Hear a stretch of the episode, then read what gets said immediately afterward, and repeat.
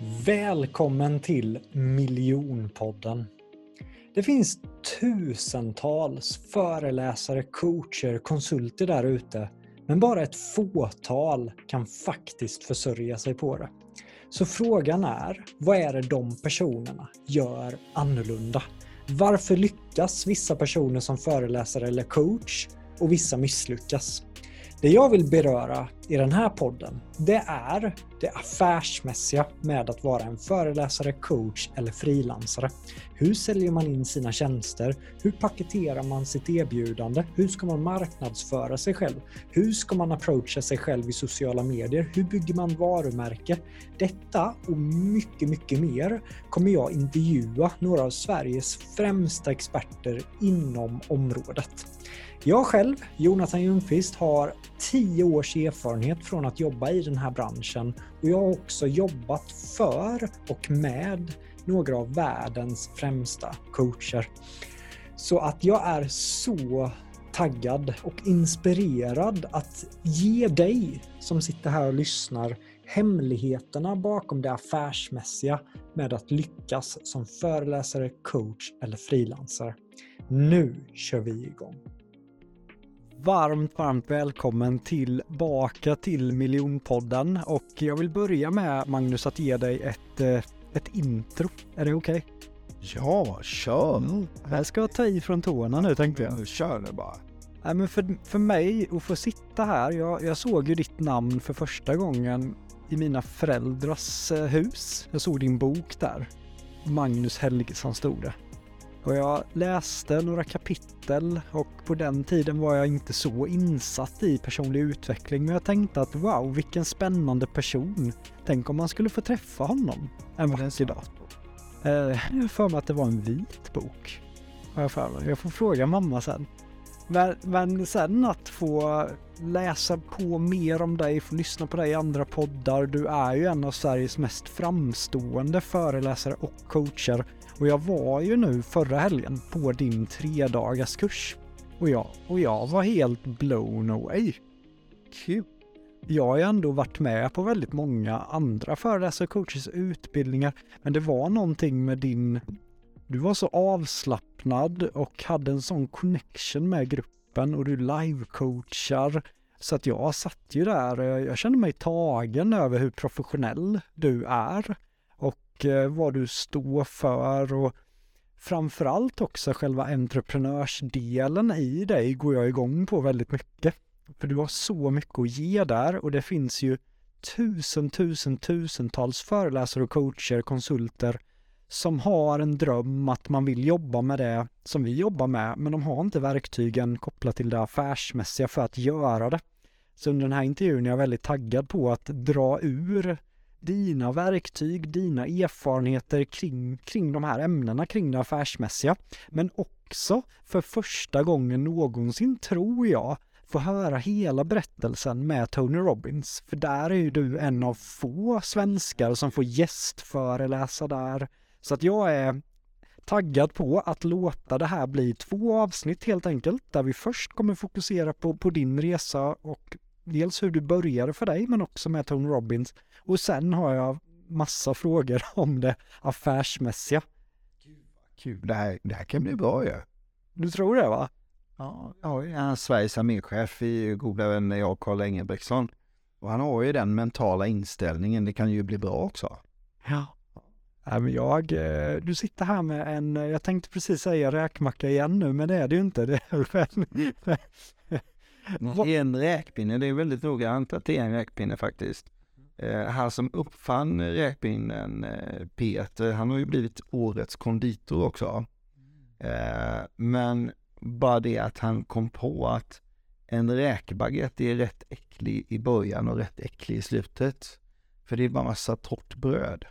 Så om vi tar det bästa och så tar vi bort det som är torrt och så, så blir det ju en räkpinne. Men för mig har den en ännu större betydelse. Jag, jag har köpt över tusen räkpinnar jag brukar ha med dem på coaching session, på styrelsemöten, ibland på föreläsningar och sådär. Jag har väl aldrig pratat om det på en föreläsning, men jag har berättat det för många i one-on-one. Eh, och det är kul att vi berör det här med business idag och, och liksom det här med att tjäna pengar. Jag, jag, det är ju lite svårt att prata om det i Sverige. Eh, men jag säger ju det att, eh, att tjäna pengar är ingenting fult och det fyller ju faktiskt upp luften med syre. Eh, det ger möjligheten att göra mycket andra saker. Eh, just vad det gäller räkpinnen så, eh, så var det ju så här att jag var ju en av Falcons största kunder i Sverige för ett antal år sedan. Eh, vilket innebar att jag köpte några miljoner liter öl av dem varje år. Och eh, när eh, de här stora danskarna kom och erövrade vårt land och köpte de flesta ölen eh, som var goda i Sverige. De köpte både Pripps bryggerier och Falcon bryggerier. Så eh, läste jag i tidningen att de skulle inte lägga ner något av de här bryggerierna. Men jag förstod ju direkt att de kommer leta efter synergier och de kommer lägga ner ett av bryggerierna. Eh, var vi jag tog lite action och bokade ett möte med eh, koncernchefen Jan Bo Rasmusson för eh, Carlsberg i hela världen. Eh, och sa att jag vill ha ett möte med honom. Jag är en av era största kunder till det bryggeriet som ni har köpt.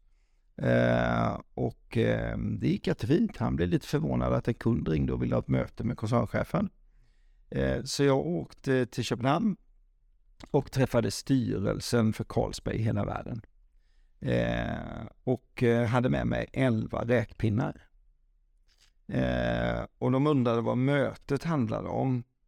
Eh, och då sa jag att här får ni en räkpinne var. Och jag vill bara att ni ska gissa vad den kostar.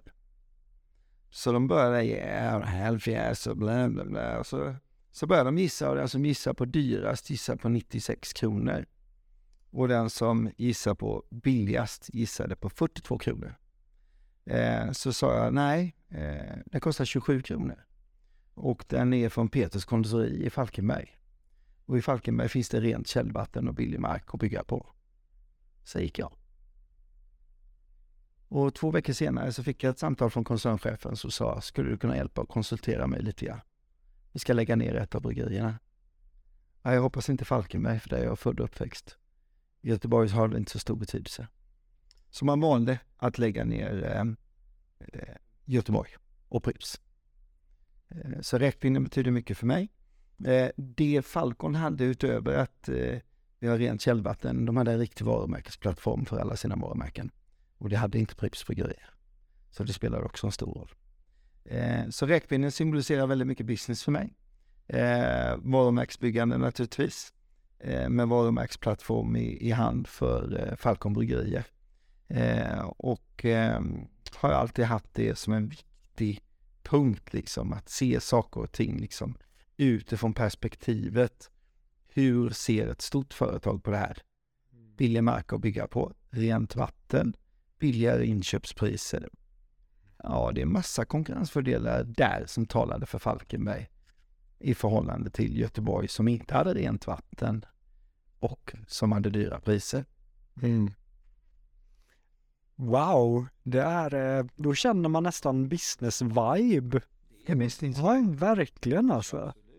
Vad, eh, vad är du mest stolt över, över alla dina år nu i branschen som föreläsare, coach, utbildare? Vad är du mest stolt över? Oj, jag är mest stolt över mina barn och min fru. Jag har inte så mycket med föreläsningsbranschen att göra utan att, eh, att de har klarat av och de är ju en mycket bättre version än vad jag någonsin har varit liksom. Det är ju bara, eh, om jag bara tittar på den businessen som min grabb driver som är 24 år som står på helt egna ben. Som liksom aldrig har frågat efter en krona. Så är det ju liksom, ja det är ju fantastiskt och och Molly med hennes satsning som nu hållit på i fem år i USA och kommer hem till Sverige. Och Madeleine när hon gör sina CR-mätningar på det värdefullaste kapitalet som finns i ett bolag och det är humankapitalet. Mycket av det som vi pratar om på helgeventet, i basen på, på det som hon gör så finns det eh, 47 000 personer som har blivit intervjuade live på svenska arbetsplatser. Så det är en rätt tung kunddatabas vi sitter på, på som är byggd med maskinell AI. Så vi eh, analyserar ju väldigt mycket där vi tittar på om den här problemställningen finns så kan man anta att. Ah. Och då går det till oftast till dåligt ledarskap i alla fall i 85 procent av fallen. Eh, och det är klart, då kan man vara ganska trygg när man håller eh, live session. Och det är klart, jag har ju träffat väldigt mycket människor, hundratusentals människor och fått chansen under många år att coacha många människor, olika situationer, eh, personer som har fått in flera hundra miljoner på kontot eh, och så blir de deprimerade och sätter och beställer, sitter i sin lägenhet och går upp 30 kilo i vikt och beställer mat från Foodora och börjar använda droger. Går inte ut ur lägenheten. Eh, och då måste man ju känna till eh, hur fungerar det egentligen att vara coach på riktigt? Inte påhittad coach utan riktig. Och jag brukar alltid fråga om, om den jag pratar med när vi pratar om one-on-one coaching vet vad coach betyder. Det kanske är någonting för dig att svara på. Jag bara tänkte vid mage nu bara, för jag vet ju att du sa det. Ja, jag tänkte det, att jag sa ju det. Ja, men det har jag faktiskt glömt nu Magnus. Det är ganska enkelt. Coach betyder buss. Ja, jag tänkte precis säga. att, en, att man ska ta dem till en destination. Ja, framför allt så det är lite lurigt det där. Eh, du ska hämta upp dem på den busshållplatsen de står. Det är viktigt. Eh, och sen vilken destination de ska till, det är inte alldeles säkert att det slutar där de började. Jag har många som kommer och säger att de vill si och de vill så och vi sitter och pratar och jag kan ha coaching session som är mellan 4 till 18 timmar utan paus. Och det är klart, då, då om du sitter de antal timmarna som behövs för att verkligen hitta vad du vill göra i ditt liv. Men när vi verkligen vet det, då kan vi börja sätta upp. Så du sitter och coachar någon i 18 timmar? Det har hänt några gånger, ja. Jesus. Hur vet man vart man ska bli upp? Hur vet du som coach vart dina klienter kopplat till bussen behöver bli uppplockade? Nej men det är ju i frågorna. Alltså du, du måste fråga. Svaret finns, finns alltid i frågorna.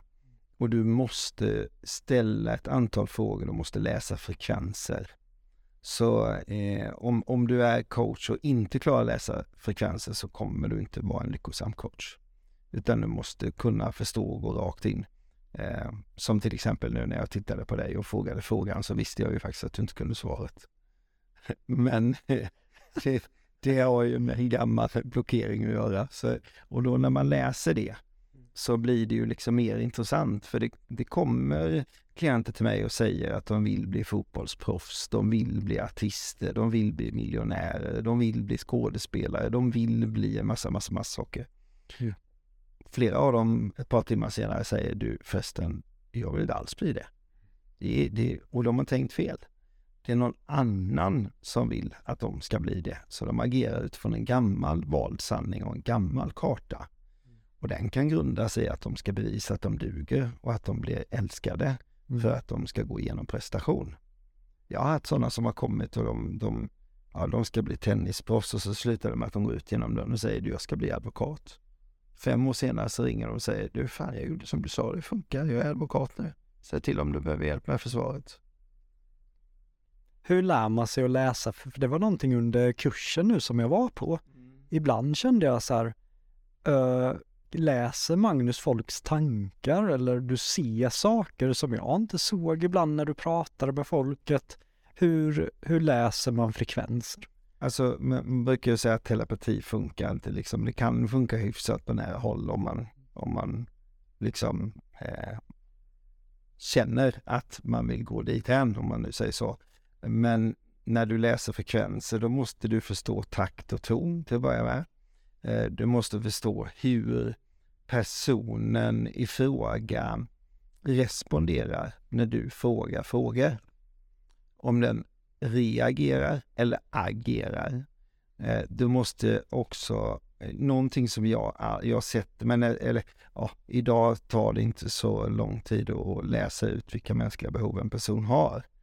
Men vi skulle ju komma till det senare med, med Tony och det här då, men jag, jag säger fortfarande att det är en av de eh, bästa sakerna jag fick med mig. Bekräftelse på att när jag har gjort business mm så har jag alltid sökt liksom, vad är det den här personen vill på riktigt på andra sidan.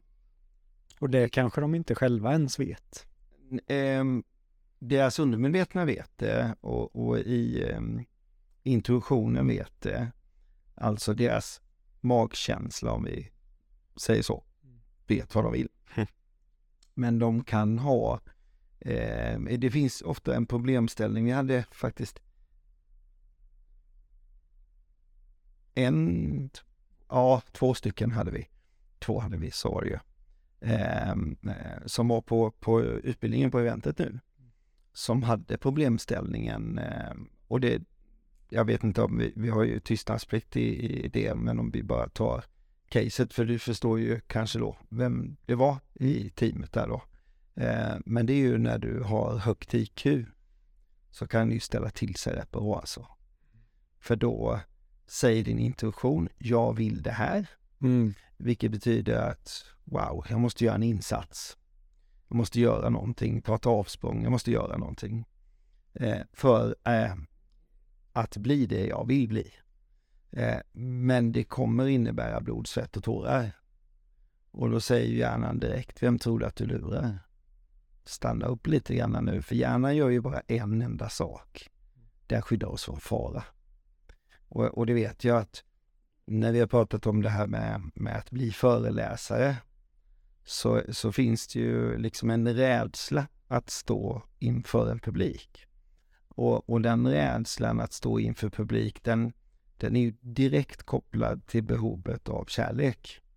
Eh, och det är klart, om du har utifrån de mänskliga behoven, nu, nu har jag pratat om de mänskliga behoven senaste, jag tror jag är uppe i så 17 år eller någonting sådär.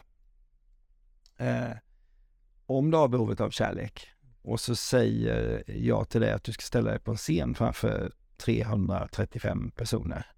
Mm. Och de här 335 personerna, de är ganska kritiska för de har betalt 495 kronor för att lyssna på dig. Mm.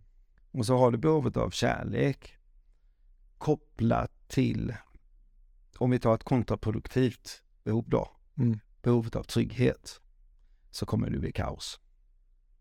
Eh, men om du har ett annat behov starkt, som till exempel behovet av spänning, så kan du trigga, använda behovet av spänning som ett fordon för att uppnå det du vill. Behovet av kärlek. Men det dolda behovet som ligger bakom detta, som du inte visar men som alla förstår, det är behovet av unikitet. Du vill bli sedd. Om du vill bli föreläsare och inte har det behovet så kommer det bli tufft på resan. Det kommer bli tufft. För du ställer dig där och det är, du klär av dig naken liksom. Och eh, beroende på, jag, jag skulle råda alla som, som vill, om de går in i utbildning eller om de, eh, och, och, jag vet ni gjorde det sist tror jag, du och Max, någonting med de mänskliga behoven, att ni gjorde det här testet. Att man verkligen har koll på sina behov. Mm. För att ställa sig där och säga att man vill en sak och så är inte det sant, den är inte kul. Men ska vi dra, för jag vet inte om alla som lyssnar på den här podden har koll på de sex mänskliga behoven. Förmodligen inte, det skulle jag inte tro. Så om vi bara tar en kort recap. The, the six human needs. Ja. Så det är ju då en grej som, som Tony Robbins har, har skapat kan man väl ändå säga. Ja, det är faktiskt Chloe som har gjort Chloe. Ja, Chloe Madness. Ja. Och, och hon håller utbildningar, djuputbildningar bara i det. Hon är ju helt fantastisk, alltså den här kvinnan. Du har träffat Chloe? Ja, ja, hon är helt fantastisk. Hon, hon är, jag blev ju stämd av någon äh, människa här som påstod att hon hade kommit på de sex mänskliga behoven för något år sedan. Äh, och för mig var det ju ett skämt liksom. Jag, jag skrev om dem i min första bok för 12-14 år sedan. Så, ja, Eh, och det, det, ringde jag till Chloe och sa att, eh, och då sa hon bara Magnus, I will defend you in court, uh, I will come to Sweden. Hon är ju 80 plus liksom. Jag, eh, Fantastiskt. Jag investerade i det här Chloe Madans ja. training ja, ja. och då är det ju när Tony live-coachar och sen kommer Chloe och berättar att så här gör han. Så jag har ju kollat på de där banden, de är ju tre timmar långa men jag är otroligt bra sätt att lära sig. Uh, men om vi drar bara kort då. the six human needs. Vi har ju nummer ett, trygghet. Och, och det kan man säga då, eh, jag vet inte om du vill komma till det senare eller om du vill ta det nu, men eh, jag, jag har ju kört Tonys alla program och jag sitter alltid och väntar när frekvensen kommer.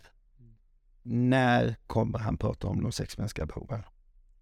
Så det spelar ingen roll om det är business mastery, om det är leadership, om det är health and wealth, eh, om det är UPW, om det är leadership mastery, om det är you fucking name it. Det är alltid med. Det är hela grunden.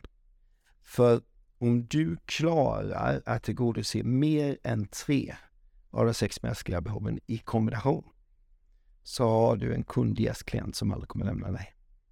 På den privata sidan så har du en man, hustru, flickvän, pojkvän, you, you fucking name it, som aldrig kommer lämna dig. Eh, vilket betyder att det är ett av de absolut värdefullaste redskapen. Om du jobbar med en publik så är det precis samma sak. Du får inte prata över dem, du måste prata med dem. Och då måste du fånga publiken när de är. Så vilken station är publiken står de och väntar på? Och om vi kommer till det då, så det första basbehovet, behovet av trygghet som du nämnde där. Eh, och jag brukar säga att Gud spelar ju alltid människan ett spratt på ena eller andra sättet. För det behovet som kommer som behov nummer två, det är ju behovet av spänning. Och de går ju rakt emot varandra.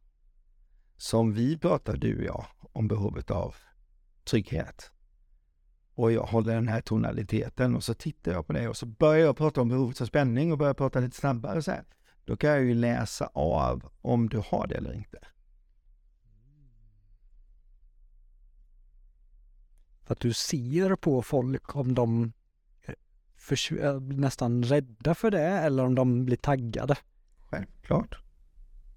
Och det är sånt du letar efter när du står där och kör dina kurser.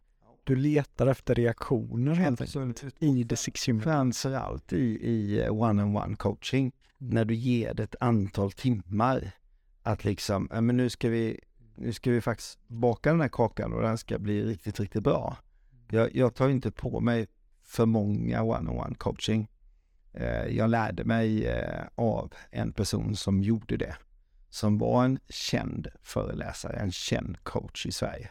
Som tog på sig allt. Jajamän, jag kan vara din coach. Jajamän, jag kan vara din coach. Jajamän, jag kan vara din coach. Superduktig. Eh, men när folk ringde och sa Tjena, det är Jonathan. Eh, vilken Jonathan? Nu ska vi se, vem eh, vad? Eh, det tycker inte jag är okej. Okay. Utan du måste ta ansvar för dina adepter. Och då måste du känna till vad adepten har för mänskliga behov. För annars kommer du inte kunna hämta den personen på den busshållplatsen den står på. Och du kommer heller inte kunna trigga det som du faktiskt är där för. Att hjälpa din klient att gå utanför sin komfortzon för att nå sina drömmarmål. Så är det ju. Så de här två behoven då, de är ju kontraproduktiva. Eh, och vissa har faktiskt båda i kombination. Eh, och, och då kan man få modellera lite, det är tufft. Det är tufft och, det, och de kan förflytta sig också. Just det här trygghet och spänning. Jajamän, jajamän. Just det. Och sen så har vi behovet av unikitet, behovet av att bli sedd och behovet av kärlek. De fyra basbehoven. Eh, och, och då kan man säga det här behovet av unikitet, alltså vissa behov använder man som ett fordon för att nå dit man vill. Eh, väldigt många artister, föreläsare, har behovet av unikitet. Jag vill bli sedd. Men de använder det som ett fordon för det de verkligen vill ha. Och då kan det gå till att det har funnits en brist i deras karta som skapas när de är mellan 0 och 7 år av behovet av kärlek. Så om jag inte blir sedd, då ser jag till att bli sedd och då kan det till och med vara så att jag kan bete mig illa bara jag blir sedd. Så, så det där är intressant när du läser av och det är klart ju mer man liksom om du tittar på varför mår en del så dåligt när vi utifrån tänker att de borde ha det så bra. Det är att de inte får sina behov tillgodosedda. Så det spelar ingen roll om de har 100 miljoner på banken och de är fullbokade i kalendern och så mår de skit. Och varför mår en del så bra? När de kanske är på helt andra sidan. Att de har ingenting. Så i de fyra basbehoven och sen så kommer vi över på de två spirituella behoven då. Behovet av att växa, eh, som naturligtvis var väldigt starkt. Jo, men det, det har jag. Ja, och, och det är klart eftersom vi vet det och vi förstår det så måste du ju hela tiden vara inne i den lärande processen. Annars kommer du inte må bra. Eh, vilket också betyder att du har ett väldigt starkt LQ. Och L står för learning och det finns i din introduktion. Och det är ju huret. Hur gör vi nu detta? Eh, det du behöver sortera ut då, det är ordningen på det. Det är vad vi ska göra, varför vi gör det och sen huret. Och du har ju väldigt lätt att gå ifrån vad vi ska göra, hur gör vi det då? Mm. Det är väldigt lätt hänt. Eh, men där ska du vara lite observant då. Så, och sen kommer vi till behovet av att ge som du också har. Contribute. Det är därför jag gillar podda. Ja. För jag, jag får ju träffa människor så jag lär mig massa och sen får jag ge. Ja, Så för mig blir ju poddandet, eh, ja men det blir dubbelt. det blir dubbelsmocka på den. Och bå, båda är spirituella, så det blir verkligen dubbelsmocka som du Ja. säger. Ja. Det blir det. Och då, och då mår du bra av, av det och fylls upp och, och kan liksom tänka dig att göra vad fasiken som helst bara det blir av. Ja, och sen får man ju sam, jag gillar ju alltså kärlek, samhörighet också. Och så ha med mig boysen, träffa dig och det här är för mig en perfekt dag. Ja, den, den är underbar. Ja, det är bara den där jävla paddeln du missade. Jag tänkte inte på det. Jag kanske ska ringa till den där långa och fråga om han inte ont i knät. Ja, jag är på alltså. Jag är på på paddel. Det, det vet nog alla som lyssnar på min podd att det skulle jag inte bara... Och sen att du ska basta och allting. Jag bara, jag är redo. men, men jag tänker Magnus kopplat till, till eh, de här mänskliga behoven och, eh, och sälj. När man sitter där i säljsamtal. Ja. Jag har ju upplevt att väldigt enkelt kan man ju se om någon drivs av signifikans. Alltså, Ja, och då är det ju viktigt när man anpassar sin pitch eller säljpresentation och inte lägga fram det som att ja, men den här tjänsten kommer bli tryggt och lugnt. Då kan ju det backfire på, på, en, på en person som drivs av signifikans. Hur, hur använder du Six Human Needs i sälj? Nej men det, just det exemplet du gav, nu gav du nästan det enklaste exemplet. Ja, Kan- ja, Eh, Och det är ju tilltalande med namn. Så om man har behovet av unikitet då tilltalar man ju Jonathan och för dig Jonathan skulle detta innebära och om du och till exempel det är ett gäng, ett team, det är Erik, det är Sven, det är Magnus och så är det Jonathan också då. Ja, nu kopplade jag in dig i också i i samhörighet. Ja. Snyggt. Så, och, och det är ju engineering. Så det, det är ju liksom någonting som pågår. Det är ju en, det är ju en strategisk fråga. Ehm, och då går ju den mot kulturen. Så kultur äter ju strategier till frukost. Så först måste vi ju börja med värdegrunden. Mm. Så vi måste ju börja med att förstå vilka kärnvärden har vi. Nu, kom, nu kommer vi ju snart in på, på det som du tycker är kul. Det här i din eh, kurs där med bygga varumärken, identitet, image, profil. Så då, då kommer vi till värderingar.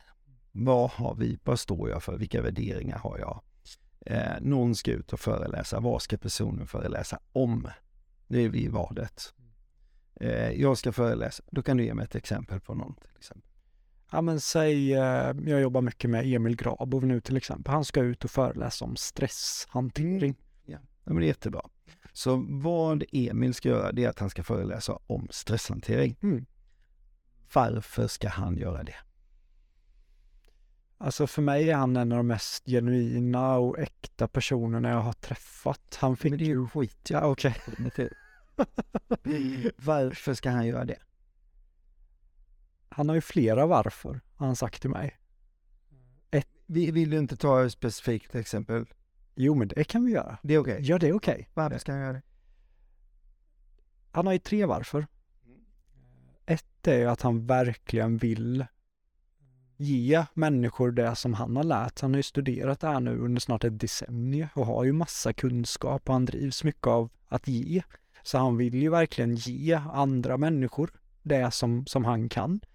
Men- så han har behovet av att... Absolut, Ja. absolut. Sen har han ett starkt varför i att han vill, göra, han vill bli föreläsare och coach för sin familjs skull också. Mm. För att han vill kunna ta hand om, om sin familj och han vill inte ha ett, ett jobb där han styrs. Så att han vill ha frihet och han vill kunna ge frihet till sin familj.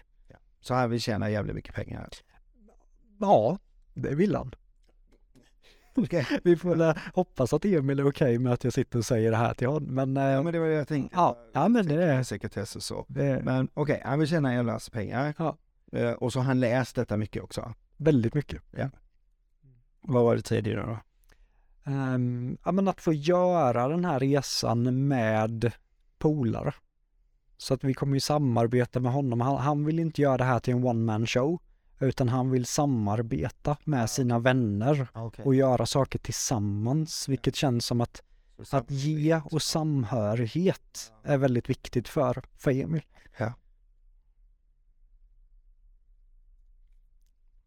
Ja, det, det kommer bli en tuff resa det. Vadå då? Om inte han har ett tillräckligt starkt varför. Har han själv varit utbränd och stressad? Han fick ett, eh, ett form av dödsbesked när han var 14. Att eh, du kommer leva tills du är 30. Det måste väl för fan Mm. vara ett mycket starkare varför än de här jävla Ja. varför. Jo men så är det ju. Så att eh, det drivet kommer han ju från. Så det han lär ut har han ju använt på sig själv och idag är han 31 så han lever ju liksom på lånad tid än vad det han var beredd på att han ens skulle leva. Just det. Så det är en urkraft alltså. Det är ju mycket, mycket starkare varför. Som han kan knyta upp och trigga hela den här. Det andra, det kommer ju som ett brev på posten. Mm. Eller hur? Att man var med i ett team, att känna... Ja, Att ankra dig i den kraften. Gud alltså. Va? Och 31 år. Ja. Vad, vad heter hans föreläsning? Heter det Overtime? Eller vad heter det? Så han har inte riktigt döpt sin föreläsning till någonting, men i Habo körde han en Så lär du dig att hantera stress 2023 från dödsbesked till lycka. Det tänker jag mer är en payoff utifrån ett varumärkesperspektiv. Mm. Jag tänker mer, mer så här, jag lever på övertid. Vill ni veta varför? Snygg hook. Jag tänker mer så, Ja, så, här, så att man get in där och bara, vad helvete liksom. ja. Och kanske Ja. lite sånär liksom när vi pratar om publiken. Vad skulle du gjort om du bara vet att du har ett kvar, år kvar att leva? Det Och, och så bam, går han på liksom. kommer aldrig glömma i bastun när vi pratade om döden. Han sa det att jag är inte rädd för döden. Nej. Jag embracear it. Ja, Han är så tillfreds med att veta, han vet inte hur länge han kommer leva, men han är så lugn och trygg i, i det, vilket gör att han kan knyta en enorm connection med människor. verkligen. Nej men nu, nu, nu är det ju, nu blir det ju missionsdrivet. Men, men se till att sätta det riktigt starkt, det, för det är ju väldigt starkt varför alltså. Ja, du, eh, du borde träffa honom. Ja, ja. Gärna. men, men du menar att eh, när, när man vet det, är det då lättare kopplat till Six Human Needs, eller hur? Till allt. Alltså det blir lättare för honom att, att, att göra liksom hela grejen och, och, och om han nu ska ut, jag vet inte hur mycket han ska göra men, men om han ska göra kanske 100-150 föreläsningar på ett år, då, eh, då blir det mycket enklare att gå upp på morgonen. För det var en av mina frågor till dig också. Jag menar, kolla på din dag idag, Magnus. Du har föreläst i Stockholm. Mm. Du har föreläst i Halmstad. Ja. Och sen har du tagit massa businessmöten och grejer nu. Och nu poddar vi och sen ska du spela paddel. Och sen ska du basta och sen ska du käka. Det är en rätt mastig dag, men det känns som en helt vanlig dag för Magnus Helgesson. Är det det här som att du är så ankrad till ditt varför? Är det det som gör att det känns som att din energi är alltid på topp? Det tar ingen energi överhuvudtaget det vi har gjort idag. Ingenting, eh, tvärtom skulle jag säga. Det, idag var det så bra frågor efter föreläsningen också, så det var helt sanslöst. Det var några frågor så här riktigt på djup nivå. Eh, det tar ingen energi överhuvudtaget. Eh, och det är för att det är ankrat. Det, jag har bestämt mig för vad jag vill och varför jag vill det jag vill. Eh, och det handlar om att hjälpa så många som möjligt. Liksom. Det handlar om det. Det är vad jag kan bidra med. Så att det blir min mission. Och sen att folk betalar jävligt bra för det, det är ju också kul. Varför tror du folk betalar? Du är ju en av Sveriges högst betalda coach. Jag har ändå skannat runt marknaden och du ligger ju i toppen. Ja. Och det är många som säger som du att ja, men jag vill hjälpa så många som möjligt. Men vad, vad är det du gör annorlunda att folk faktiskt betalar så mycket för just din hjälp? Nej, men jag tror eh, värdet i produkten för eh, uppdragsgivaren då, alltså om vi säger så här när någon bokar mig, nu tackar jag nej till väldigt mycket föreläsningar av naturlig anledning då. Vi, och jag berättade ju lite snabbt om det på eventen och vi, vi har köpt 55 bolag på 16 månader och omsätter 1,3 miljarder och gör 100 miljoner i vinst. Så det blir lite tid över eh, på, på liksom att göra föreläsningar. Men eh, det tror jag att du kan eh, ta kontakt med de senaste 500 föreläsningarna som jag har gjort. Hur noggrann jag är i mitt förarbete. Så eh, jag läser på. Jag, eh, jag brukar säga, oftast pratar jag direkt med VD eh, eller HR-chef eller någon i styrelsen, ledningsgrupp eh, eh, men hur, hur viktigt det blir för mig att läsa på eh, varumärkesplattformen, deras affärsplan, eh, vad de vill och varför de vill att jag ska komma dit. Eh, och vad de vill ska ha hänt när jag går av. Jag brukar alltid säga om man tar dit en konsult som ska tala om för medarbetare, för det är ofta medarbetare du föreläser när du får bokade gig. Mm. Eh, då, då, brukar jag säga om, om vi tar dit en föreläsare som ska tala om för andra människor vad de ska göra, så kommer medarbetarna stänga öronen direkt. Men om du tar dit någon som har gjort resan själv, som till exempel den här killen i stresshantering, eh, och, det, och det sitter publik där och, och det kanske, jag tror att han har faktiskt en väldigt stor målgrupp framför sig. Ja, ja, ja. ja för, för organisatorisk ohälsa och psykisk ohälsa växer ju på svenska arbetsplatser och stress är en stor del av det. Ja. Eh, så att eh, när han kliver av scen, vad vill vi ska ha hänt? Eh, ja, men vi vill ju att medarbetarna inte ska känna sig lika stressade längre. Mm. Men det är klart att jag vet inte vad han har för verktyg, men han har ju studerat detta länge. Ja, han har många. Ja. Men, men det är klart att det är viktigt att man också får med sig verktyg. Jag brukar alltid säga att det svåra är att göra det enkelt. Så hur kan vi göra detta enkelt? Um, vad är det vi kan lämna ifrån oss där man direkt kan säga, det här kan jag använda i min vardag för att minska min stress. Som till exempel du märker på helgeventet. Det är, det är sex stycken nu efteråt som har fått Thomas Enhages mentala coachingprogram till sina barn. För att de förstod värdet i det. Så först, först måste man ju skapa upplevelsen eh, och när du har skapat upplevelsen, då kommer efterfrågan. Och då lämnar du över ett mervärde. Det är liksom, och det är där det blir missionsdrivet, att vi inte tar betalt för det. Utan säger, här får ni som en gåva ifrån oss. På grund av att det fanns ett stort intresse. Mm. Så just, ja men det pratade du om innan också, just ditt sätt att ge lite extra stanna en timme extra, göra jobbet. Så egentligen är det ju inte, för jag tror många nya i branschen, föreläsare, och coacher, de kollar på dig och tänker eh, han får 60 000 eller 70 000 eller vad det nu än tar för en timme föreläsning. Men det är ju inte bara den timmen, utan det är ju för du ska åka dit. Ja, men jag förberedde, nu hade jag en fantastiskt rolig kväll igår, det var inte klokt. Eh, David Batra var på Kung Karl och gjorde stand-up. Alltså, han var så bra. Ja, svinrolig. Har du sett det? In, eh, världens sämsta indier? Ja, han är så rolig va? Eh, men han berättade ju om, om eh, de, hon har ju blivit någon form av landshövding där, hon Kindberg Batra, hans eh, fru nu. Okay. Så de har ju flyttat in i något jävla palats där liksom va. Och han berättar ju om detta som en skämtfilm, liksom det här när de springer omkring och letar efter varandra i det här palatset och leker kurragömma och grejer och så. Eh, nej, jag skrattar så mycket va. Eh, det är också väldigt viktigt att bygga in humor.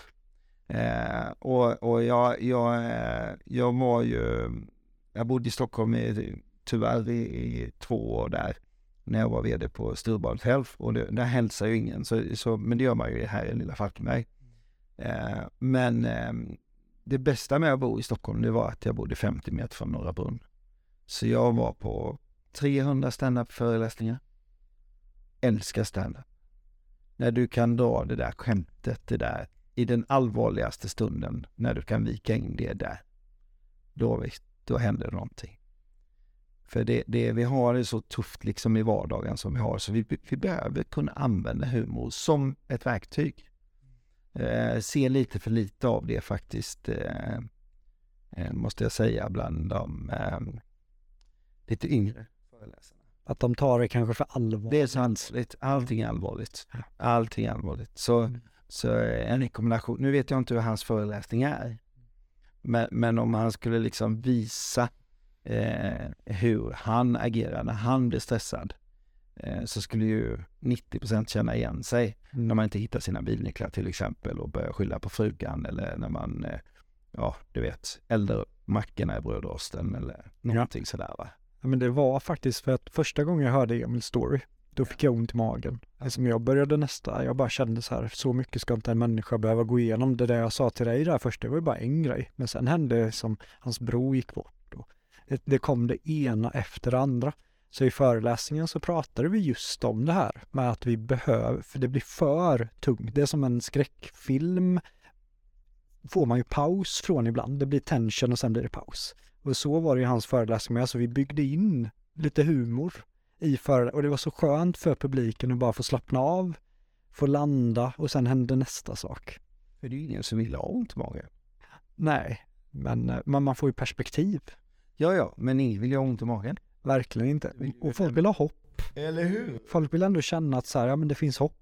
Men jag tycker det är spännande att du har kollat på 300 stand-up shower. Har du mm. själv hållit på med stand-up? Eller är det någonting mer du bygger in? Det frigör ju energi. Ja. Liksom, det kommer ju. Men när, när man lyssnar på en stand-up, då fri, man skrattar, det bygger endorfiner i kroppen. Man mår jävligt bra av det. Mm. Jag tycker, alltså jag skrattade så mycket igår så jag var helt du vet, jag, jag var helt... Alltså jag förberedde i natt eh, föreläsningen för morgon för, eh, frukostföreläsningen då. I natt? Och då, då bara skrattade jag. Eh, och sen så, och läste in deras kärnvärden och värderingar och så här, och det var ju säkerhetsklassat också så det var ju lite speciellt då. Mm. Eh, och sen eh, i, i Halmstad idag med eh, våning 18 då som var fritt blås liksom. Eh, och så en jävla härlig ledare på plats där liksom. Benny han bara liksom, att bara kör, de behöver bara bam liksom. Mm. Och här är vi och det här står vi för och det här är, jag hade fått allting av han. Och då var det lätt att jobba med det. Mm. Då, blir, då blir det ju liksom så här, wow, han pratar med mig, det gäller mig. Jag kan också sätta rätt attityd när jag kommer till jobbet. Jag kan också, eh, och för bolaget blir det värt jättemycket. Men framförallt för medarbetarna som ska gå hem den här fredagen till frugan eller mannen eller barnen eller vad det nu är. Eh, och liksom känna sig pepp liksom. Som jag summerar kort det du säger nu kopplat till att ta betalt så att kunna ge mervärde, kunna ge konkreta verktyg som folk kan ta action på. Ja, eh, och faktiskt lämna ifrån dig någonting som, som jag är väldigt positiv till det här med Steel with Pride liksom. Jag ser ju om någon ser en bild som jag visar på och, och så, oj, gör, han jag inte upp med kameran lite, då brukar jag backa och säga ta den nu och bara wow, tack säger de så va. För då kan de ta med sig den hem liksom på något sätt. Och samma sak, jag, jag delar ju alltid ut mina böcker gratis digitalt till alla som är på mina föreläsningar. Och jag har ju fått över, alltså jag har fått tusentals mejl, bara stort tack, trodde det kostade något. Va? Men det är inte det en föreläsare gör, säljer böcker. Alltså det finns inget värre än en föreläsare står på scenen och pratar om sin föreläsning och så säger de, säger de om du inte har köpt min bok så har du inte fattat någonting. Det där är fult alltså, i min värld. För då har företaget betalat och sen är det som att en enda säljpitch till Ja men och så bygger den, ja det här är storyn och hit och dit men jag berättar inte riktigt hela men om ni köper boken så Alltså det är så fult. Det är fruktansvärt. Oh. Ja, jag, jag var med om det många gånger faktiskt. Ja, det var samma här. Det är hemskt vet du. Så kommer någon jävla krängare liksom som föreläsare med, som har med sig en resväska med sina böcker och nej det är fruktansvärt alltså. Men när vi också pratar om misstag, vad, när du kollar på föreläsare och coacher, konsulter, kan du identifiera beteenden som du kan se som du vet, det här, de här beteenden kommer leda till inte framgång i branschen? Till exempel snacka skit om andra eller att man satsar för mycket kanske på att bli bra tekniskt föreläsare och ingenting på sälj. Mm, vad, vad känner du när jag frågar det? Nej, men jag känner att, att jag känner ju till ett antal föreläsare som har nedåtgående kurva. Som har varit, och nu kommer ditt nya gäng här och knockar igenom dem då. Men de gör samma föreläsning varje gång. De andas på samma ställe. De låtsas börja gråta på samma ställe. De, eh, ja, eh, det är klart, när du har bokat en föreläsaren tre gånger så tror jag att det är ett skämt när personen står och pratar över publiken. Jag gjorde faktiskt det misstaget på Harris-tiden. Jag bokade en föreläsare och vi tyckte han var så jäkla bra. Och vi har bokat, jag har bokat många föreläsare liksom, men ja, lärde mig eh, under resans gång att aldrig boka någon som inte har gjort resan själv. Så det, det, det är väl, det skulle jag nog säga är den viktigaste faktorn, att vi inte hittar på personer som ska tala om för andra människor vad de ska göra, som inte själva har gjort resan. Det funkar inte. Glöm det, sök ett annat jobb, du kommer inte må bra liksom. Mm. Men när, när, vi, när vi gjorde den här boken, då, då var den här personen med oss någonstans. Vi genomförde ju Lasse Åbergs alla resor med autentiska skådespelare under tio års tid. Så Lasse Åberg spelar sig själv på Mallis i en vecka och ja, Ted Åström spelar sig själv som reseledare i gul kostym och Lena Jolton som flygvärdinna och sådär. Eh, men då hade vi med en föreläsare, han gjorde en jäkla bra föreläsning. Och så skulle vi bara ha en så här regionsträff, så vi bokade han i Jönköping, eh, inte på Hooks utan på Jo, det var nog fan på Hook. Du ser, alla vägar lever till Hook. Leder till Hook. Ja, nej men det var på Hook innan Spat och det fanns, så det är rätt länge sedan. Och då gjorde han exakt samma föreläsning. Han ändrade inte ett enda ord. Han bara stod och pratade över dem. Och jag kan säga att det var samtalsämnen på kvällen. De bara satte vi på en film här och så, ja, det var det pinsammaste vi var med om. Det var, vi var nog en 90 pers, det var riktigt pinsamt alltså. Det var så här, nej men vad hände? Det blev som ett skämt. Att någon hade tränat in det så hårt. Exakt. För det är det rätt många som gör vet du. De, repa, de repar, repar, repar och så kör de. Men varför känner du att det är fel? Är det för att du tycker att man tappar personligheten då eller? Då pratar du över din publik och inte med dem. Och, och det är klart att du, du eh, i, i, i vissa fall så måste du komma fram till det som man säger kill your darlings också. Jag hade en, en fantastisk eh, föreläsning tyckte jag själv eh, som jag gjorde där jag nämnde Daniel Ek och hans framgång med, med Spotify utifrån att förr i tiden hade man en bokhylla med massa CD-skivor. När han presenterar att i framtiden kommer man ha en liten grön app och där kommer man ha en, eh, en låtlista som heter Förfest och alla skrattar åt honom liksom. Det var en del och den andra delen var ju en story om Avicii. Eh, så var jag på, i, skulle göra en föreläsning i eh, Marbella Eh, och på natten så, så fick jag, ja, på natten vid fyra tiden på natten jag skulle göra min frukostföreläsning vid kvart över sju på morgonen. Så fick jag veta att, eh, och då, då, då byggde min föreläsning säkert på 20 minuter om Avicii och hans framgång och, och hans det här att han använde business mindset utifrån att ta kontakt med LO Black får han en svart countrysångare att sjunga en låt för en svensk discjockey liksom. eh, Wake Me Up då. Mm. Eh, och, och liksom, den hade jag verkligen som en story liksom va. Och sen spelade jag Wake Me Up och, och I Only Have Two Hands. Eh, och så hade han tagit självmord den natten.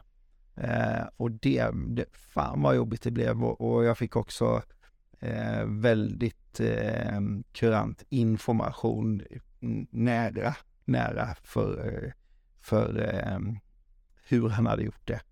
Och den blev ju liksom, jag har aldrig gjort en föreläsning efter det. Mm. Ja, det var bara att klippa ut den och bara, det kommer inte ske. Men det var något som var väldigt, väldigt uppskattat utifrån, kan man säga, en förinspelad del i min föreläsning. En föreläsning på fyra timmar utan paus varav det fanns tre stycken delar som var 15, 17, 19 minuter. Som liksom, där ska det momentet ligga, där ska det ligga och där ska det ligga. Eh, och det andra liksom eh, Kan vara in movement. kan vara i movement och eh, vad den här gruppen då ville få ut av det. Det var, det var Sveriges taktäckarförening som var där. Snyggt. Fick åka och göra en föreläsning där på morgonen och sen en i Köpenhamn på flygplatsen på sen eftermiddagen. Det var rätt spännande. Ja, det låter också som en sån här cool dag hos Magnus Helgesson. ja, men det var en sån här till det. En av de så här riktigt coola uppdragen eh, som jag fick tidigt eh, för sju, åtta år sedan kanske någonting. Och det var ju att åka till, för eh, Ikeas ledningsgrupp Worldwide i Aten och, och göra en fyra timmars eh, utbildning och föreläsning för dem eh, på engelska. Den, den var, det var en utmaning och, och då var det eh, in och de hade byggt om hela hotellet bara med IKEA-möbler. Så hela konferensrummet, allting var som att komma in i ett IKEA-varuhus. Och så representerades då alla som var där inne representerade ett land för IKEA. Wow. Ja, och det, och det, det nej, den var, det var liksom, där pirrade lite i magen så här när man skulle bara, åh herregud, liksom vad ska jag, hade träffat Ingvar några gånger då, men då, då liksom, shit, vad ska jag säga liksom? För, var ju viktigt för dem. Jag läste ju på deras 5 billion dollar plan i, kunde jag på mina fem fingrar då. Så ja, men det, det var ju alldeles nödvändigt liksom. För det kom ju liksom, det kom ju Konstantin som drev Ikea i Grekland med frågor rakt av live. Det bara small mitt i föreläsningen. De bara avbryter, kineserna avbryter, japanerna avbryter.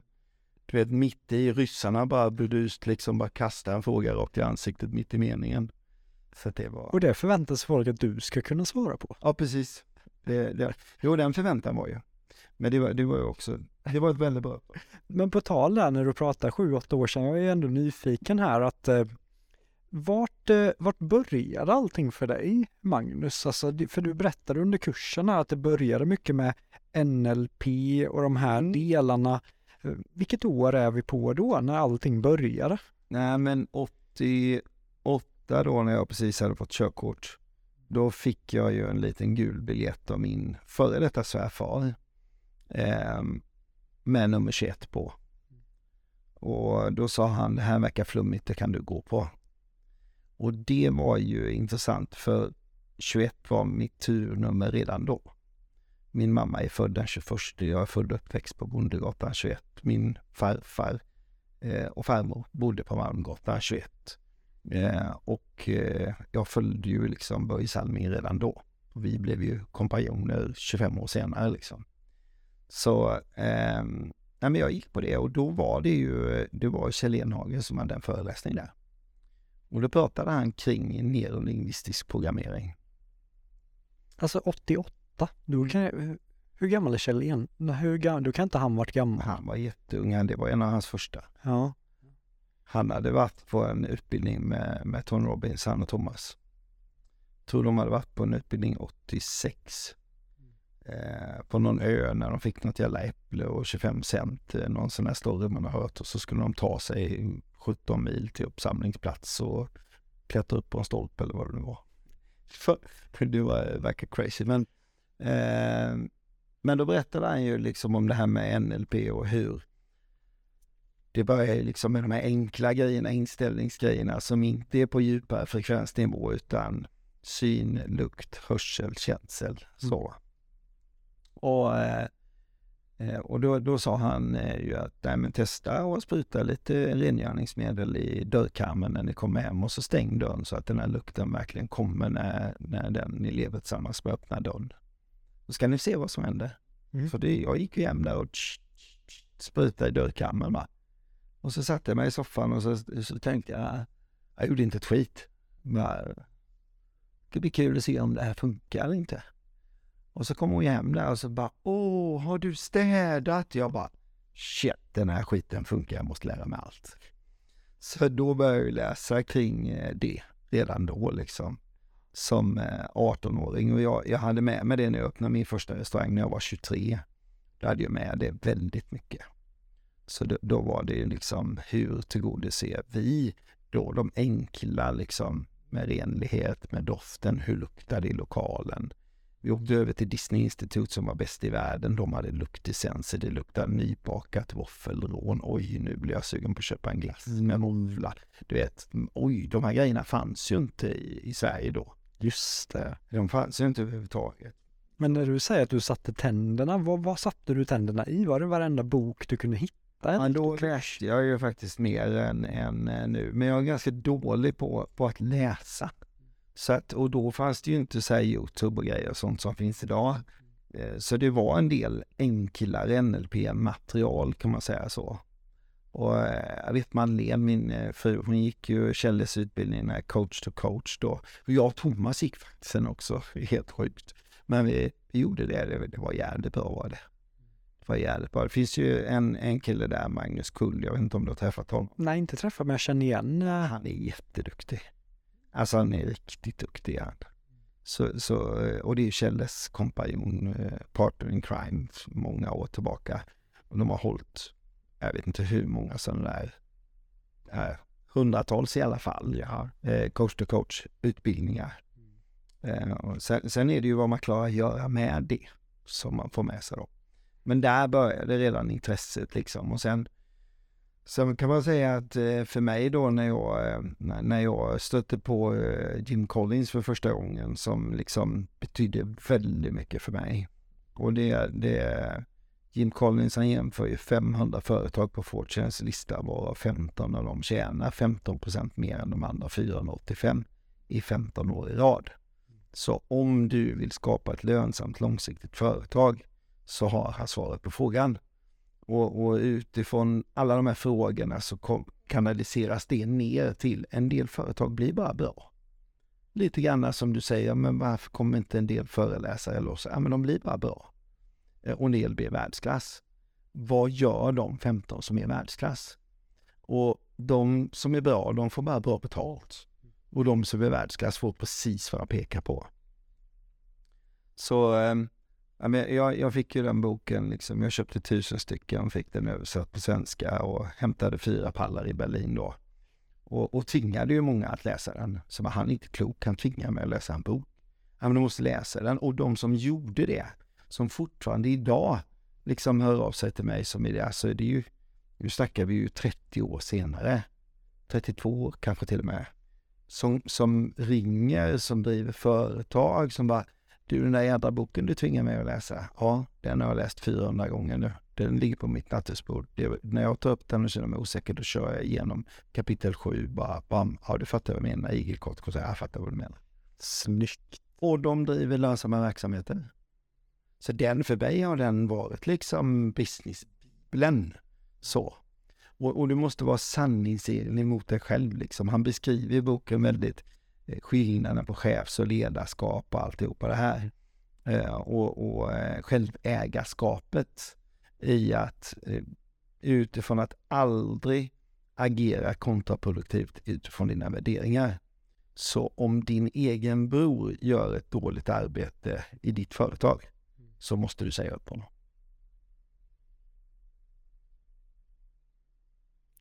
Oj, det låter svårt att göra det. Det är ledarskap.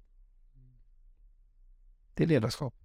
Men kopplat till den här boken, det absolut största takeaway från den boken som verkligen har hjälpt dig, vad skulle du säga att det är? Ja, men det är först vem och sen vad. det är första kolumnen och den är, den är ju med och bygger min affärsplan på en sida. Mm. Så att eh, det, det, jag använder den väldigt mycket i, ja, för att bygga min egen verksamhet. Och, och jag menar, har vi rätt person så eh, om vi har eh, någon vi ska, idag, vi har 724 medarbetare idag. Så, ja vi satt igår till exempel i, i mellanpausen där så eh, var det rekrytering, det var helt rätt person. Det var helt rätt. Jag frågade ett antal kontrollfrågor, bara poff, poff, poff, han är helt ärlig, han ljuger inte på en enda fråga. Så då tittade jag på Erik och han bara nickade, så vad vill du ha i lön? Ja men, eh, jag vill ha 45 sa han. Och då sa jag, bra då får du 60 i början på måndag. Då var det lite chockartat för bordet. Så, eh, men det spelar ingen roll. För han kommer dra in, kommer dra in 10 miljoner. Hur vet du det? Ja men han kan inte misslyckas. Det går inte. Han, han har gått igenom hela processen. Han är hel och ren och, och jobbar värdestyrt. Han vill aldrig lura en kund i hela sitt liv. Det kommer han aldrig göra heller. Men han har så hög kompetens. Och skillnaden mellan kunskap och kompetens är ju att du kan ha 400 högskolepoäng men du klarar inte att montera tvåmannatält på 90 sekunder. Skillnaden är att du ska kunna göra utföra det också. Den här killen var specialiserad på att bygga avancerade konstruktioner i svets i värmesystem i stora fastigheter. Så han kan räkna ut vid handen i huvudet. Jag har 130 lägenheter. Vad händer om vi byter fjärrvärmepärmar? Du tjänar 4,2 procent. Varför det? Jo, för det blir så här och så här och så här och så här och med tanke på det och den fakt. Han är där. Han är där businessmässigt också. Ja, för han är det inte business. För han är det engineering. Det är konstart. Så du sitter där som någon för, du, det känns som att så fort du ser om någon ljuger så vet du. Liksom. Det är inte helt givet, men Nej. jag skapar ändå en känsla. Det är ändå häftigt för jag bara ser det här framför mig, att någon kommer på en intervju och du bara sitter och kollar på den. Bara, ja, nej, ja, nej. Vi hade, vi hade på en utbildning, det, nu, jag kan nu söka på, eh, fasken ska vi få fram henne då. Hon skrev ju, jag har nog hennes bok så jag kan skicka till dig kanske. Eh, hon var jäkligt cool var hon, hon jobbade för FBI. Hon var med på ledarskapsutbildning och då fick alla bestämma sig om de ville ljuga eller prata sanning. Och så skulle hon eh, säga true or false. Så man fick gå upp, publiken fick gå upp på scen och så berätta liksom hej jag heter och jag jobbar med det här och det här. Och hon bara false, false, false, true, true. Hon klippte in alla. Ja det var, det var, eh, hon var riktigt cool var det var leadership mastery.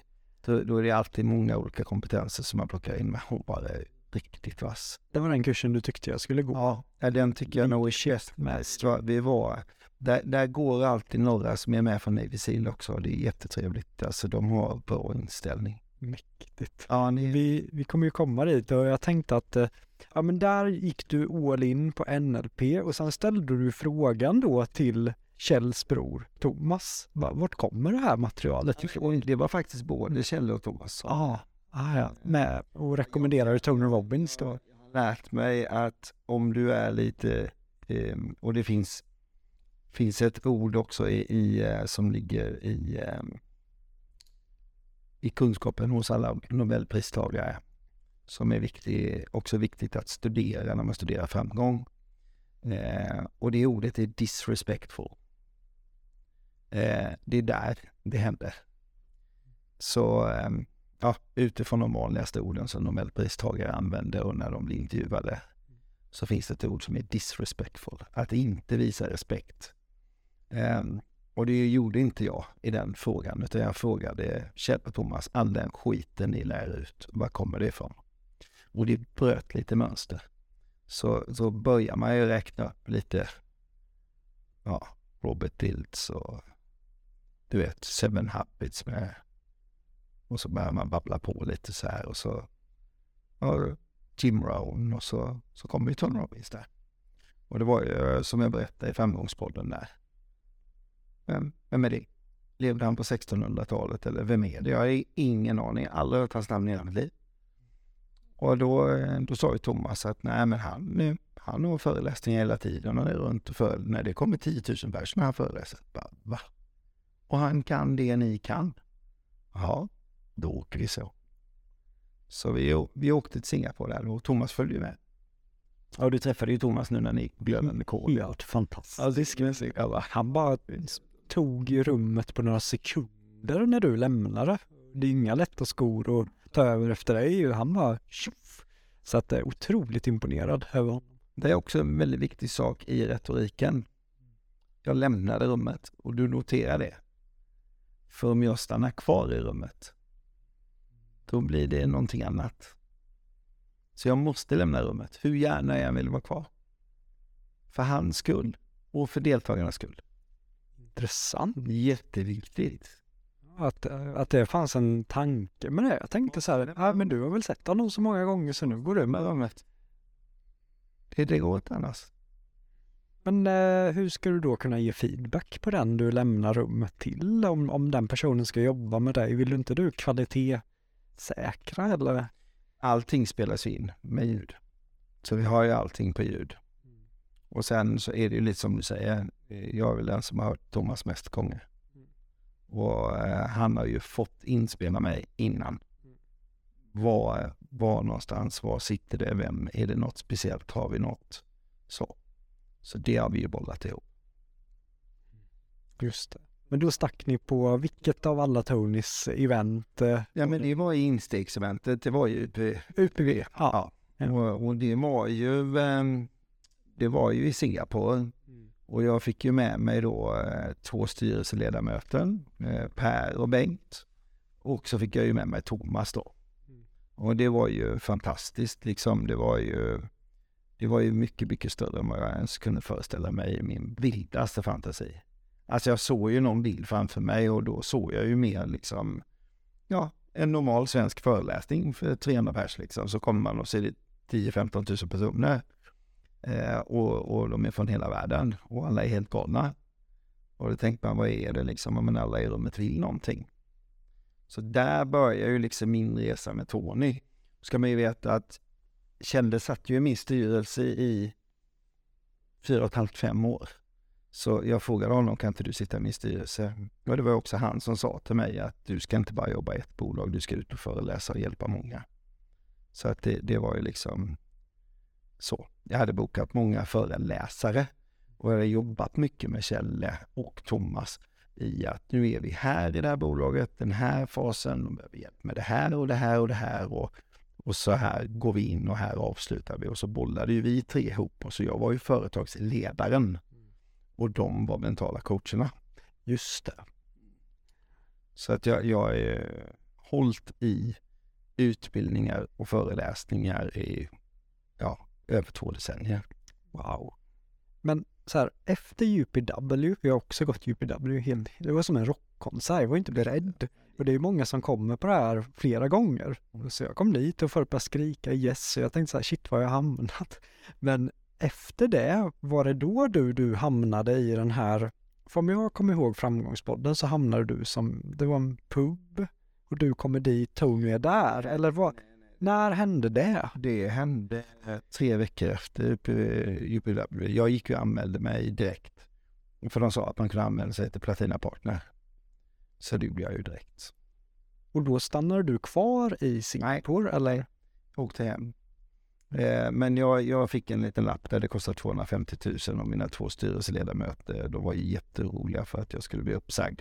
Verksamheten gick ju faktiskt, jag hade brutit mönster, gick från jag gick ju från 16,9 miljoner minus i bolaget till var väl precis på 3-4 miljoner plus då när detta hände. Och så signade jag in för detta liksom. De var ju skitoroliga. De bara, om jag bara sänker min lön med 20 000 så det är ju 240 000 på två år så slipper vi sociala avgifter och skatter och skit på det så, så tjänar bolaget pengar på att jag går en utbildning. Och eh, det gjorde jag ju. Så att, och då kom ju första inbjudan till Mexiko, Leadership Mastery med eh, med eh, Platina Partner då. Och då var Platina Partner max 100 medlemmar, det var de jättetydliga med. Skynda er nu och signa in för det får inte vara mer än 100. Som tyvärr idag då är över tusen stycken. Men här vill jag ju ha nu är jag inne efter detaljer här Magnus, för jag är ändå nyfiken. Du går ett fyra dagars event, en Mm. fem dagar UPW. Vad får dig under den utbildningen att tänka dig att gå ner 20 000? Liksom, Det är ju ett stort beslut. Det är ett stort beslut, men besluten får man i ens framtid. Jag skrev ju in mig efter fem och en halv timme. Jag, jag förstod ju att om jag kan lära mig det han kan så kan jag hjälpa många människor. Och, och det gick ju till mitt behov av att ge. Samtidigt så lär jag mig. Det går till mitt behov av att växa. Så båda mina spirituella behov, klick, klick, så va? Eller hur? Och sammanhanget var inte så illa heller. Man får ju lite bekräftelse kan man säga. Både kärlek och spänning, det kan det också bli. Så att eh, då blev vi första där i, eh, och där hade jag ju lite flyt bara eller, eller var guidad eller vad det nu var. För då, det, det var ju där jag kom fram då och eh, var jävligt trött efter en lång resa, en billig lång resa längst bak i planet till boskapsplats där så jag inte vill sitta. Och, och eh, går förbi liksom, jag checkar in på det här lyxhotellet då som Tony har bokat hela skiten och spärrat av stranden så det får inte vara någon annan vi där. Eh, och kommer in och så, så är det en kille som säger one tequila och då säger jag make that two. Och det förändrade ganska mycket och jag vet inte var det kommer ifrån än idag. Men precis som man är guidad liksom eftersom jag inte dricker tequila. Hatar ju att dricka sprit överhuvudtaget. Så jag dricker gärna chardonnay och champagne men inte sprit fy fan. Det är en nubbe på, på julafton med svärfaren uppe i Andersson. Det får räcka för det året. Men, men då, du hörde att det var Tony som sa liksom one... Nej, det var inte Tony. Nej, okej. Då, då får du gärna... Nej, jag, jag gick ju och satte mig på rummet, eh, lämnade in väskan och bara, vad sa jag? Sa jag make that too? Varför sa jag det liksom? Jag är här och jag ska sova och utbildningen börjar imorgon mitt i, mitt i natten och jag har betalt massa pengar och sänkt min lön och vad håller jag på med?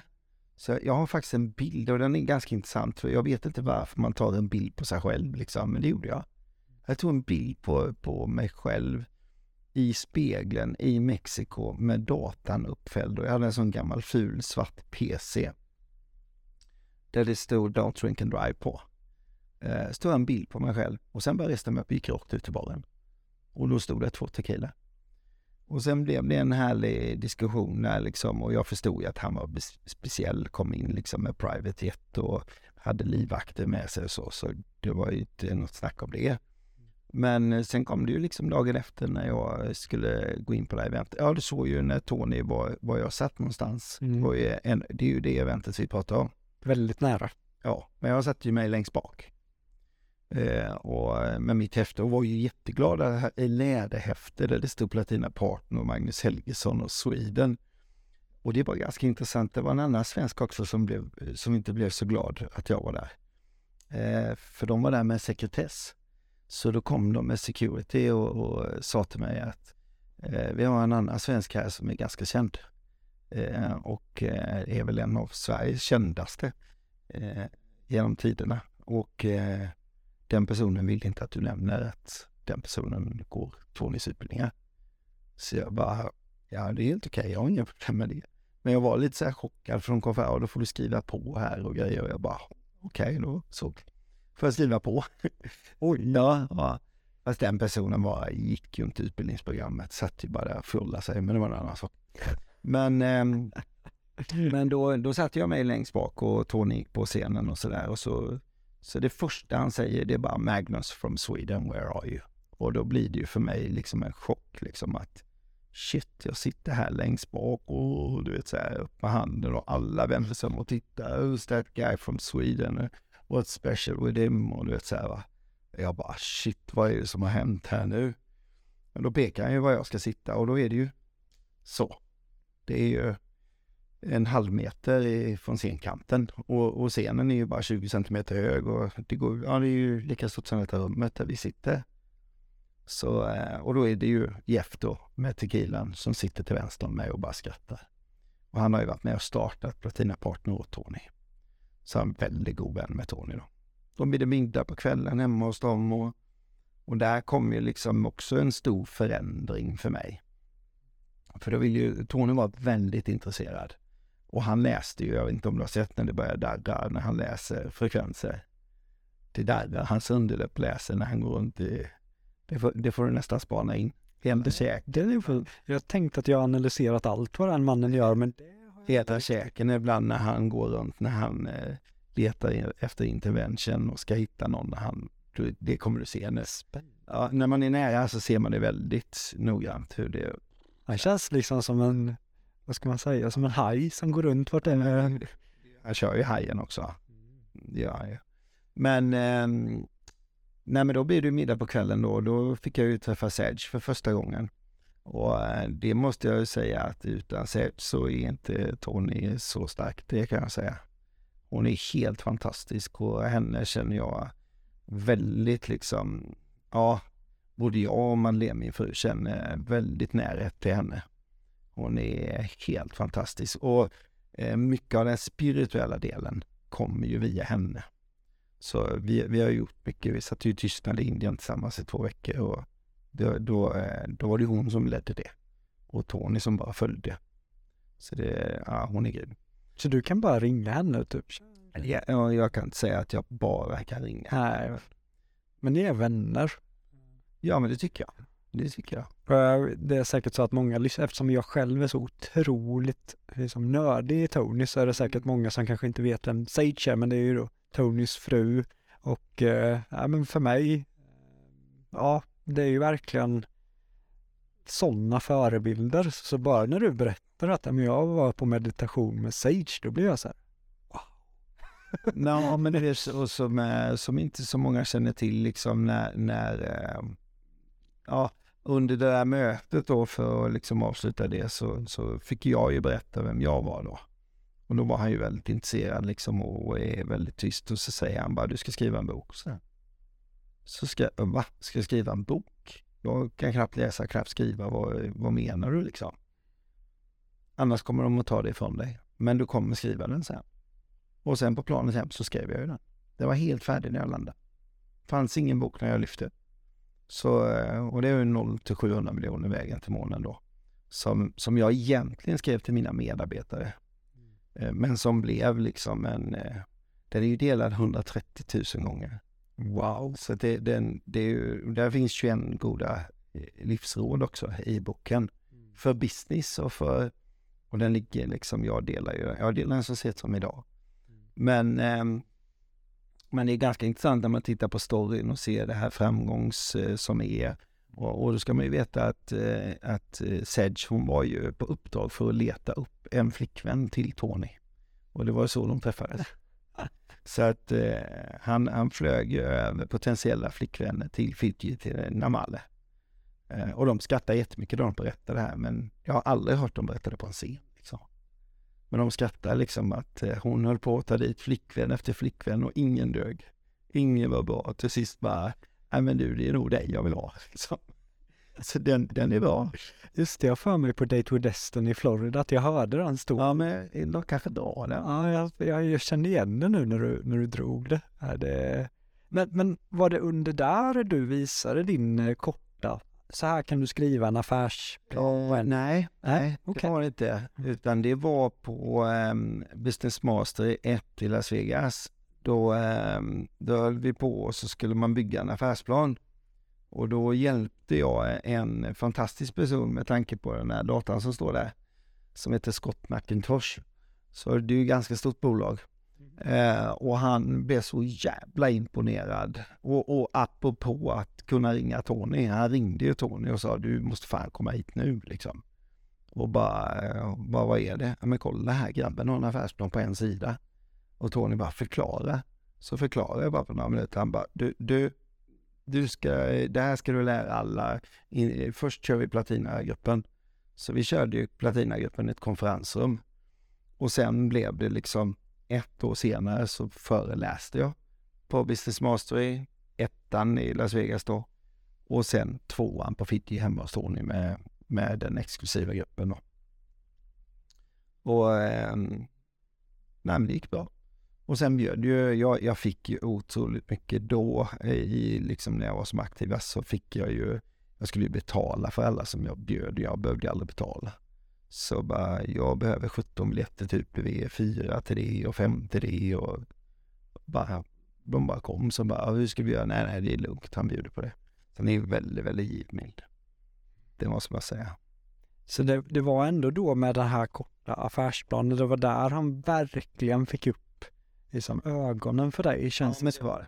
Det var det. Och, och, att, och sen följde han väldigt noggrant liksom. Vi hade, hur, hur ser det ut liksom att, eh, jo men vi har vänt förlusten till vinst och, och nu gjorde vi, jag vet, jag vet vi snackade efter ett styrelsemöte, då var han ju väldigt tillgänglig liksom så, så, så berättade jag, jag var så jävla besviken efter styrelsemöte. Vi skulle göra, vi skulle göra 6 miljoner i vinst och vi gjorde 8,2. Och jag var så jävla stolt. Eh, och det enda jag fick, det var skit för att jag hade skänkt 50 000 till en välgörande sak då i Sydafrika till vår stiftelse, att det hade kostat 50 000. Och inte att vi hade tjänat 2,2 miljoner extra, utan de där 50 000 var onödiga. Och där någonstans hade jag ju liksom redan börjat min exit att här ska inte jag vara kvar. Nej, jag fördjupar mig ännu mer. Jag åker ännu mer med Tony, ännu mer på eventen, lär mig ännu mer. Så att jag kan stå på egna ben och faktiskt inte ha någon utan äga mitt liv. Så, så den, eh, den förberedelsen pågick ju liksom. Så du var verkligen runt i hela världen med Tony i Mexiko och liksom bara körde så mycket du kunde? Nej men vi var överallt. Vi var i, vi gjorde sju marsch i Israel, i Hebron. Vi, eh, du och Tony? Ja, Tony var alltid med. Så, eh, och vi gjorde faktiskt, han är lite barnslig också, vi gjorde en natt på museet. Han hyrde ju eh, Egypt Museum. Och så fick vi ficklampor och så sprang vi där in och sköt varandra, skräcksköt varandra då. Så om man blev träffad av lightning så var man ju liksom, då fick man ja, lite avancerad pantgömma i ett av världens mest anrika museum med massa mumier och grejer och så. Så det var hans, hans favoritfilm är, En natt på museet. Var, varför tror du att det känns som att Tony på något sätt är i våran bransch den absolut största? Skulle man väl kunna skulle jag säga by far. Va, vad är det som har gjort honom så extrem? Du som har levt med honom, vart, vad, vad är kontinuiteten i det? Alltså, allt planeras in i minsta detalj. Det finns en bas i materialet som är, som är liksom i, när vi pratar content och när vi pratar om de sex mänskliga behoven som är äkta och som alltid är med. Eh, förberedelser, enorma förberedelser. Eh, och sen träning. Eh, och det kan man säga, då har vi ju då den fysiska träningen som är en del i det. Han tränar ju varje morgon ganska hårt. Mm. Eh, för att hålla sig i fysisk form. Nu, nu jobbar han ju med stamceller så det är ju någonting annat. Jag var ju med på hans 50-årskalas då, eller vad vi nu kallar det kalas. Det var ingen stor baluns utan det var ett 50-årskalas var det. Men eh, han ser ju yngre ut idag än vad han gjorde då. Och det är ju mer än tio år sedan. Att han jobbar mycket med stam? Han tar stamceller, ja. Ja, det, det, känns som att han hela tiden ligger så många steg ja, ja. före hela tiden. Det var ju som när eh, när covid kom och folk köper webbkameror och grejer. Han köper världens megastudio. Den är helt sjuk studio. Jag, jag var ju hemma hos honom för några veckor sedan nu i West Palm Beach i studion. Den är helt sinnessjuk. Den är ju 360 grader men den är helt störd. Det finns ingen sån studio i hela världen.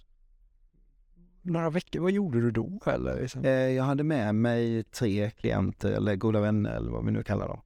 Eh, som har tre olika problemställningar att arbeta med. Alltså de vill dubbla sin omsättning, de vill dubbla sin vinst, de vill eh, rekrytera in mer eh, attraktiva medarbetare, de vill bygga sitt varumärke. Och därför var vi där och gjorde Business Master fullt ut. Och 200 inbjudna i studion och så 11 000 uppkopplade i världen. Men eh, ja, det var fantastiskt. Jag kan tänka mig det. här var helt fantastiskt. Jag har ju inte gått Business Mastery heller. Så det är den... Men den, den, jag tror nästan du ska jag har någon kille i Sverige som jag skickat på Business Mastery som du ska träffa. Mm. Som, som faktiskt har jobbat mycket med materialet och, och ja, det är bra. Men du har läst lite J. Abraham och grejer va? inte så mycket Jay Abraham just. Helt grym. alltså. Men jag har hört talas mycket om Jay. Han är helt... Han gästföreläser en del på Ja, Business Mastery. Han är, är ett stor, en stor del i Business Mastery. Och Keith Cunningham, men Keith har du... Men han är också, men eh, det där är, Keith Wall. är det mycket marketing på Keith? Eller? Nej, det är ekonomi. Keys to the Wolf. Eh, han gör eh, resultat, balansräkning och kassaflöde på en sida. Så eh, han gör det som alla revis- revisorer säger att man inte kan göra. Men han håller fyra dagars MBA-utbildningar eh, och eh, ofta London är han och större än han i Europa. Helt fantastisk Keith Cunningham. Keith Cunningham. Han är helt, jag kan visa en video. Ja, jättegärna. Han är ju helt sinnes. Nej, Det finns så mycket kurser man vill gå. Det, är som bara, det tar ju aldrig slut. Nej, nej. Men det gäller ju att ta action också, att man Ja. får ut något av kurserna så man inte bara blir sån här kursnarkoman liksom.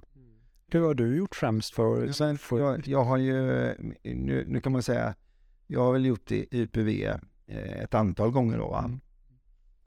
Alltså gått hela varvet, du vet så. Under tre och ett halvt års tid så, så liksom, då rullade jag alla hans utbildningar. Eh, och eh, då kan man säga, jag hade, det var en tjej där som hon hade gått UPV 19 gånger. Och då blev jag liksom, sa jag till henne, men vad fan har du gjort då liksom? Åker du bara runt och liksom är groupie liksom, eller vad är det frågan om? Tanken är att man ska lära sig något och applicera det i sin värld, i, i sitt privata liv eller i sin verksamhet eller så.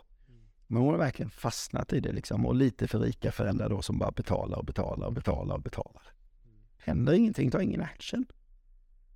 Jag blev så förvånad när jag såg henne. Va? Är du här igen liksom? Vad, gör du liksom? Va? Det finns ju en del sådana. Hur, när du träffar sådana i coachning, vad, vad brukar du säga till de Man personerna? måste bryta mönster, det är väl dags att ta tag i saker och ting. Liksom, då, då är, gör man ju detta på grund av att man vill skydda sig från någonting annat. Så man vill skapa trygghet, man är livrädd för att faktiskt göra något. Men gör man något så blir man ju något. Det är ju det som är. Action är ju otroligt viktigt. Verkligen. Du såg ju coachingkorten du fick ha med där. Mm. Och där är ju actionen av punkterna. Mm. Så i gamla system, eller vad ska jag nu säga då? Vi inte trampa på fötterna. Eh, Det finns ju lite halvomoderna eh, coachingprogram där det inte finns någon action. Så du konstaterar vad du är, du konstaterar vad du vill och det är bara en massa problem. Men what the fuck, vad ska du göra då? Du måste ta action. Det tycker jag är jätteviktigt i IFSHAC i det mentala coachingprogrammet, att du får med, när du nu har tagit reda på alla de här olika sakerna, vad kommer du då göra? Och om inte det funkar, vad kommer du göra då? Om inte det funkar, vad kommer du göra då? Om inte det funkar, vad kommer du göra då? Och till sist så liksom, så modellerar du in det liksom. Ja, Det, det gillade jag verkligen när du pratar om på kursen, för många föreläsare och coacher är som, de har sina verktyg och sen ska de lösa alla problem med de här fyra, fem verktygen. Du var mer så här, ja, ibland ringer jag Mattias Ribbing, ibland, ja ibland är det liksom man testar olika verktyg tills det funkar. Mattias Ribbing är ungefär tre miljoner gånger bättre i matematik än vad jag är. Ja. Om jag får in en klient, hon vill börja på Chalmers, men hon har en problemställning som när vi håller på, hon har aldrig berättat för någon. Aldrig. Så vi håller på och pratar bla, bla, bla, och så kommer vi fram, men vad fan är problemet då? Sök till Chalmers, nej det går inte. Varför går inte det? Jag vill inte. Jo, det vill du. Och så håller vi på, håller på, håller på. Och till sist så kommer tårarna och det bara sprider. Jag kan ju inte matte. Ja, men då ringer vi Mattias Ribbing. Då plockar vi in en specialist på det området. Och så lär han henne matte och nu har hon ju gått ut Chalmers. Hon är ju topp, eh, hon blev ju kursetta liksom. Så, så hon får ju vilket jobb hon vill. Och det börjar med att hennes föräldrar hör av sig och talar om att våran dotter är vilsen, hon kan inte få ett jobb. Hon vill inte ha ett jobb. Hon vill gå på Chalmers och så vill hon ha det bästa jobbet. Hon har grundlön på 130 000 idag. Ifrån frågeställningen och den valda sanningen. Vår dotter kan inte få ett jobb. Specialister. Storytelling, det är du, jag, det är ju du bäst på. Det är bara att köra. Det finns andra som är bra på andra saker. Ja, jag gillar det liksom och då blir det att man öppnar upp för att man kan hjälpa varandra, man kan samarbeta och man behöver inte vara så kär i sitt egna verktyg för det är inte alltid det verktyget som är mest relevant för kunden. Nej men, när jag säger äg ditt liv, då är det så här. Ska försöka inte ta några fula uttryck sådär för att ibland kan man lätt göra det. I one-on-one coaching är det tillåtet. Ja, men det får du göra i min podd också. Jo, det fattar jag, men det kan vara, det, det, det kan också bli att det inte blir bra. Men ordets betydelse är så jäkla viktig. Alltså du går väl inte till en äktenskapsrådgivare utan att göra research om hon är, eller han är frånskild två gånger. För hur ska den kunna lära dig att leva ett lyckligt äktenskap? Och när jag gör research så kommer någon till mig och säger så här, jag och min fru, det är lite jobbigt, skulle du kunna hjälpa mig och sådär va? Okej, okay. eh, apropå ta betalt. Jag tar jävligt bra betalt för de som har råd att betala. Och för de som kanske inte har råd att betala så kan jag göra det gratis. Så när den personen kommer till mig så säger han, vad har ni gjort hittills? Ja, men vi går hos den här och den här. Vad heter den personen? Ja, den heter så här, frånskild två gånger. Vill du skiljas? säger jag. Absolut inte. Men då så. Men fan, jag har ju levt med min fru i snart 30 år va. Kom hit så ska jag snacka med er. Då pratar vi en timme, de är fortfarande gifta, det är sex år sedan. De mår skitbra, de behöver inte gå till någon rådgivare som inte har gjort resan själv. Om inte du kan visa kärlek och uppskattning, det är ju där det börjar. På Date with Destiny, de som har problem, de får alltid 90 day gameplan. Alltid! 90 dagar, du ska göra allt vad du kan för att din partner ska älska dig. Om inte den gör det, då ska den inte vara tillsammans längre. Det gillar jag, så här 90 dagar. 90 dagar där man ska göra allt varje dag. Det är så med action i 90 dagar. Kaffe, kaffe på sängen, inte glömma att ha sex innan ni somnar, alltihopa. Jag tänker direkt här på mina kurser. Det vore kul för föreläsare och coach att ha en sån om ja, men två månader eller tre månader där du bara varje dag ska du göra någonting. Alltså action. 90 day game plan är mm. bra. Alltså jag har haft, jag har, vi har haft ganska mycket med idrottare som, som vi har satt upp 90 day game plan och, och om det är någon som vill bli bäst i världen på att hoppa höjdhopp så kan ju inte jag det, men det finns ju sådana som kan det. Så då kan de vara coacher under de här 90 dagarna. Just det. Ja. Eller, eller till exempel om någon vill bli fotbollsproffs mm. så är det ju bättre att jag har någon i mitt nätverk som har varit fotbollsproffs som vill vara mentor. Mm. Och då kan jag som coach emellan säga, här har vi den här killen här. Han vill in i landslaget. Han har förutsättningar, fysiska, mentala, strategiska förutsättningar för att komma in i landslaget. Mm. Du har varit i landslaget och du har behovet av att ge. Så nu har du chansen att ge till den här grabben eller tjejen eller vad det nu kan vara. Och så hjälper jag er i den situationen. Ofta slutar det med att jag behövs inte. För de lär sig och rätt vad det är så ser man på TV, grabben är i landslaget. Och det är ju för att du måste kunna flytta på ditt eget ego. Man kan åstadkomma vad som helst om man är beredd att ge någon annan äran. Det är viktigt. Om vi nu pratar om att du vill bli framgångsrik coach. Det är som en drop the mic på den han var för jävla rolig. Per, per, per Johansson, Per, ja du vet han Per. Du vet, vet du inte vad jag menar? Per Johansson? Andersson? Är han rolig eller? Det vet jag inte ens vem det är. Eller? Okej, vänta, ska du få se mic-droppet? Detta var igår kväll, det här är roligaste jag varit med på länge alltså. Det är riktigt kul. Ja, nej, du kommer flabba ihjäl nu. Det är riktigt kul. Kommer nu här. Eh, då säger han så här. Om David Batra, om David Batra ska göra stand-up comedian, då ska jag introducera honom. Det här säger rätt mycket. En topp tre av Sveriges stand-up comedian. Det här säger ganska mycket. Då ska jag introducera honom. Mm.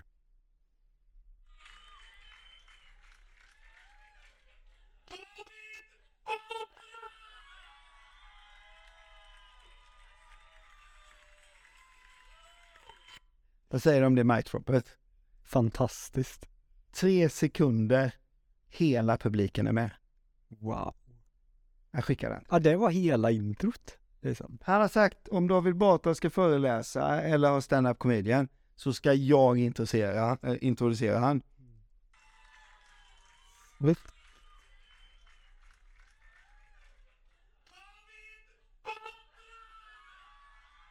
Det räcker va?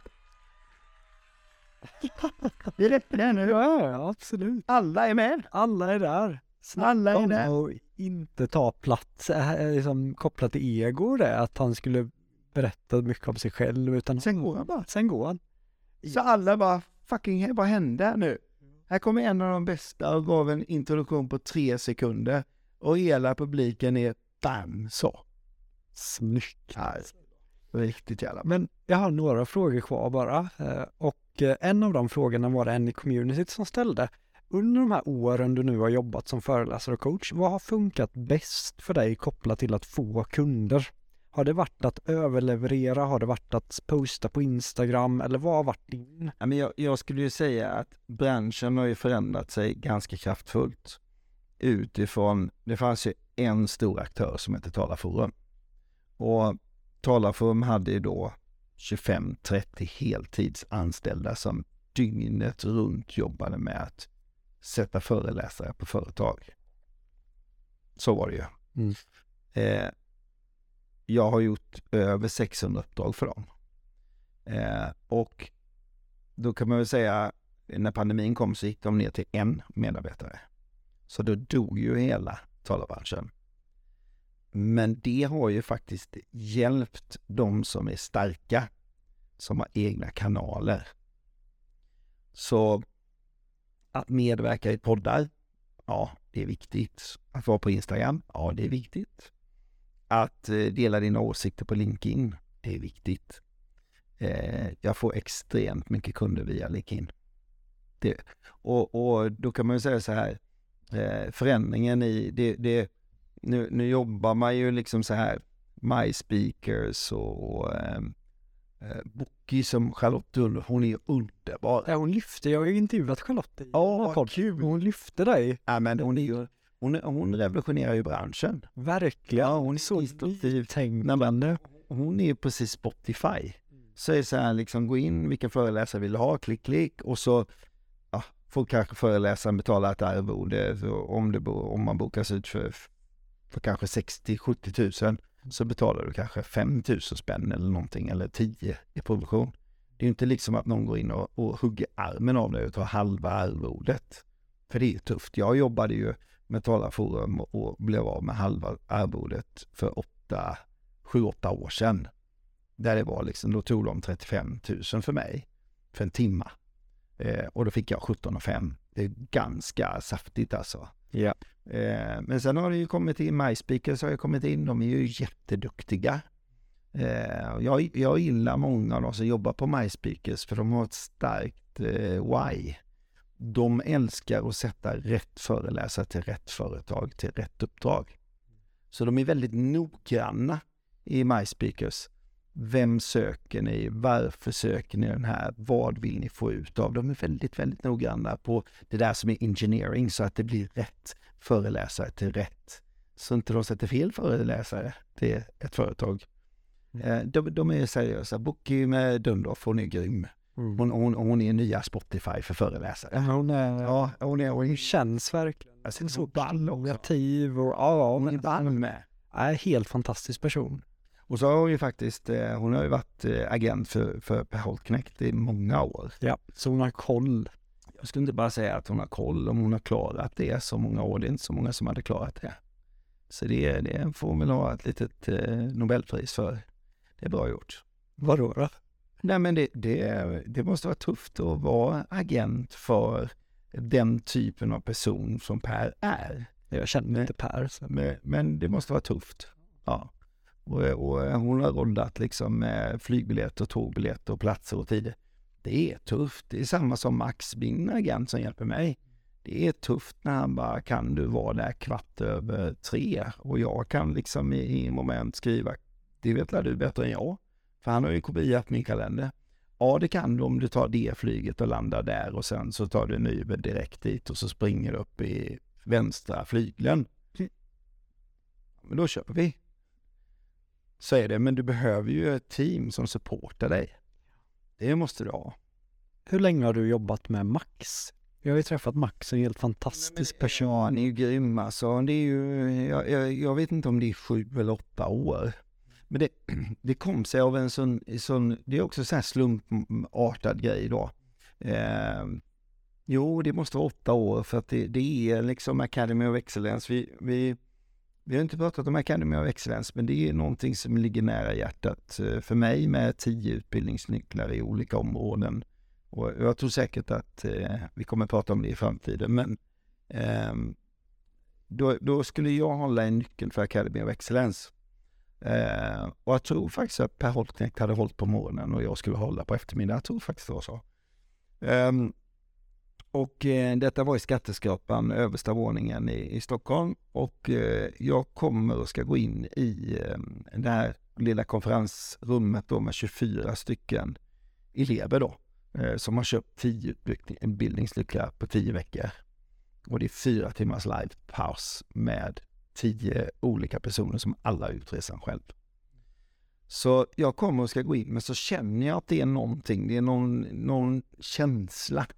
Du vet sådär man bara, vad fasken är det liksom? Och då vänder jag mig om så sitter det en man och gråter. Eh, eller han gråter kanske inte, men det är liksom, ja det är inte långt ifrån. Eller så har han gråtit. Så jag frågar, vad är problemet liksom? Eh, och utan att nämna hans namn då, men, eh, han, han, skrev jättefint till mig bara för någon dag sedan på LinkedIn. Um, så, så frågade jag vad är problemet? Nej, min fru kommer gå ifrån mig och, och jag kommer gå i personlig konkurs. Jaha, vad är det liksom? Nej, men jag har skrivit på papper som jag inte förstod vad det innebär. Jaha, vad var det? Nej, men jag, jag ska ta hit Fredrik Eklund och jag har skrivit på och lämnat garanti på att betala hans arvode. Det är miljonbelopp. Oj, ja det var ju skit. Men du, om du sitter kvar här så ska jag tänka lite under min utbildning så ska vi ta ett snack. Så jag gick in och körde mitt fyra timmars pass och när det var klart så hade jag en klar modell. Vem vill se Fredrik Eklund? Vad skulle du säga? Mäklare. Ja, inte, den var inte så svår. Den var inte så svår. Så jag bara okej, okay, vi får ta kontakt med Erik Olsson, vi får ta kontakt med eh, Svensk Fastighetsförmedling, då var det kvinna som var VD, vi får ta kontakt med Pontus Lövgren, vi får ta kontakt med ja, alla mäklare som vi känner liksom och som har något beslutsfattande så får vi göra ett erbjudande till dem. Och då förpackade vi ett erbjudande till dem. Och sen så tog vi kontakt med eh, Businesspodden eh, eh och gjorde ett erbjudande med dem då, med Micke Arndt och, och, och, det gänget och Josef Fallesen. Mm. Eh, och sen Karina Suddling och, och Marie eh, på eh, Sunshine-podden som var stor då liksom med, med de, de var lite så här podd så. Och de tjejerna. Och så fick vi ihop kanske tusen pers på en vecka eller något sånt där. Eh, och så gick han väl bara 150 000 minus. Och, eh, och kunde behålla huset och frun och sådär. Eh, och då jobbade han med Max. Och då sa jag, vi ska göra det här och det här och det här och det här och det här och det här och vi måste ut där, LinkedIn, Twitter, Instagram, Facebook, bara, bara erbjudande och förpacka och ut och vi måste mejla. Och du måste hem till Erik Olsson för han äger Erik Olsson, så det måste vara han själv. Och det måste vara Mats där och Mats äger ju 57 mäklarbyråer så det måste vara till han direkt. Och du vet så här. Och då satt Max och, och bara sa, det fixar jag. Och, och det gjorde han. Så han var ju liksom en riktig alla maskin i att göra detta. Um, och, och det, är, det är ganska lustigt alltihopa det här med när man tror att man är, är, på något sätt, att det är ett kall, att det är någonting som händer, där sitter en man där. Uh, och, och då säger han till mig så här, vad, he, vad heter du? sa han till mig. Så här, jag heter Magnus Helgesson. Du, jag skickade en bok hem till dig för fem år sedan. Jag bara, va? Han, den mannen, har skickat en bok till mig. Ja, det stämmer. Och, och eh, den här boken var ganska intressant var den, för att eh, där plockade jag rätt, eh, rätt mycket grejer utan att nämna namn då så för hans skull. Men den handlar om försäljning.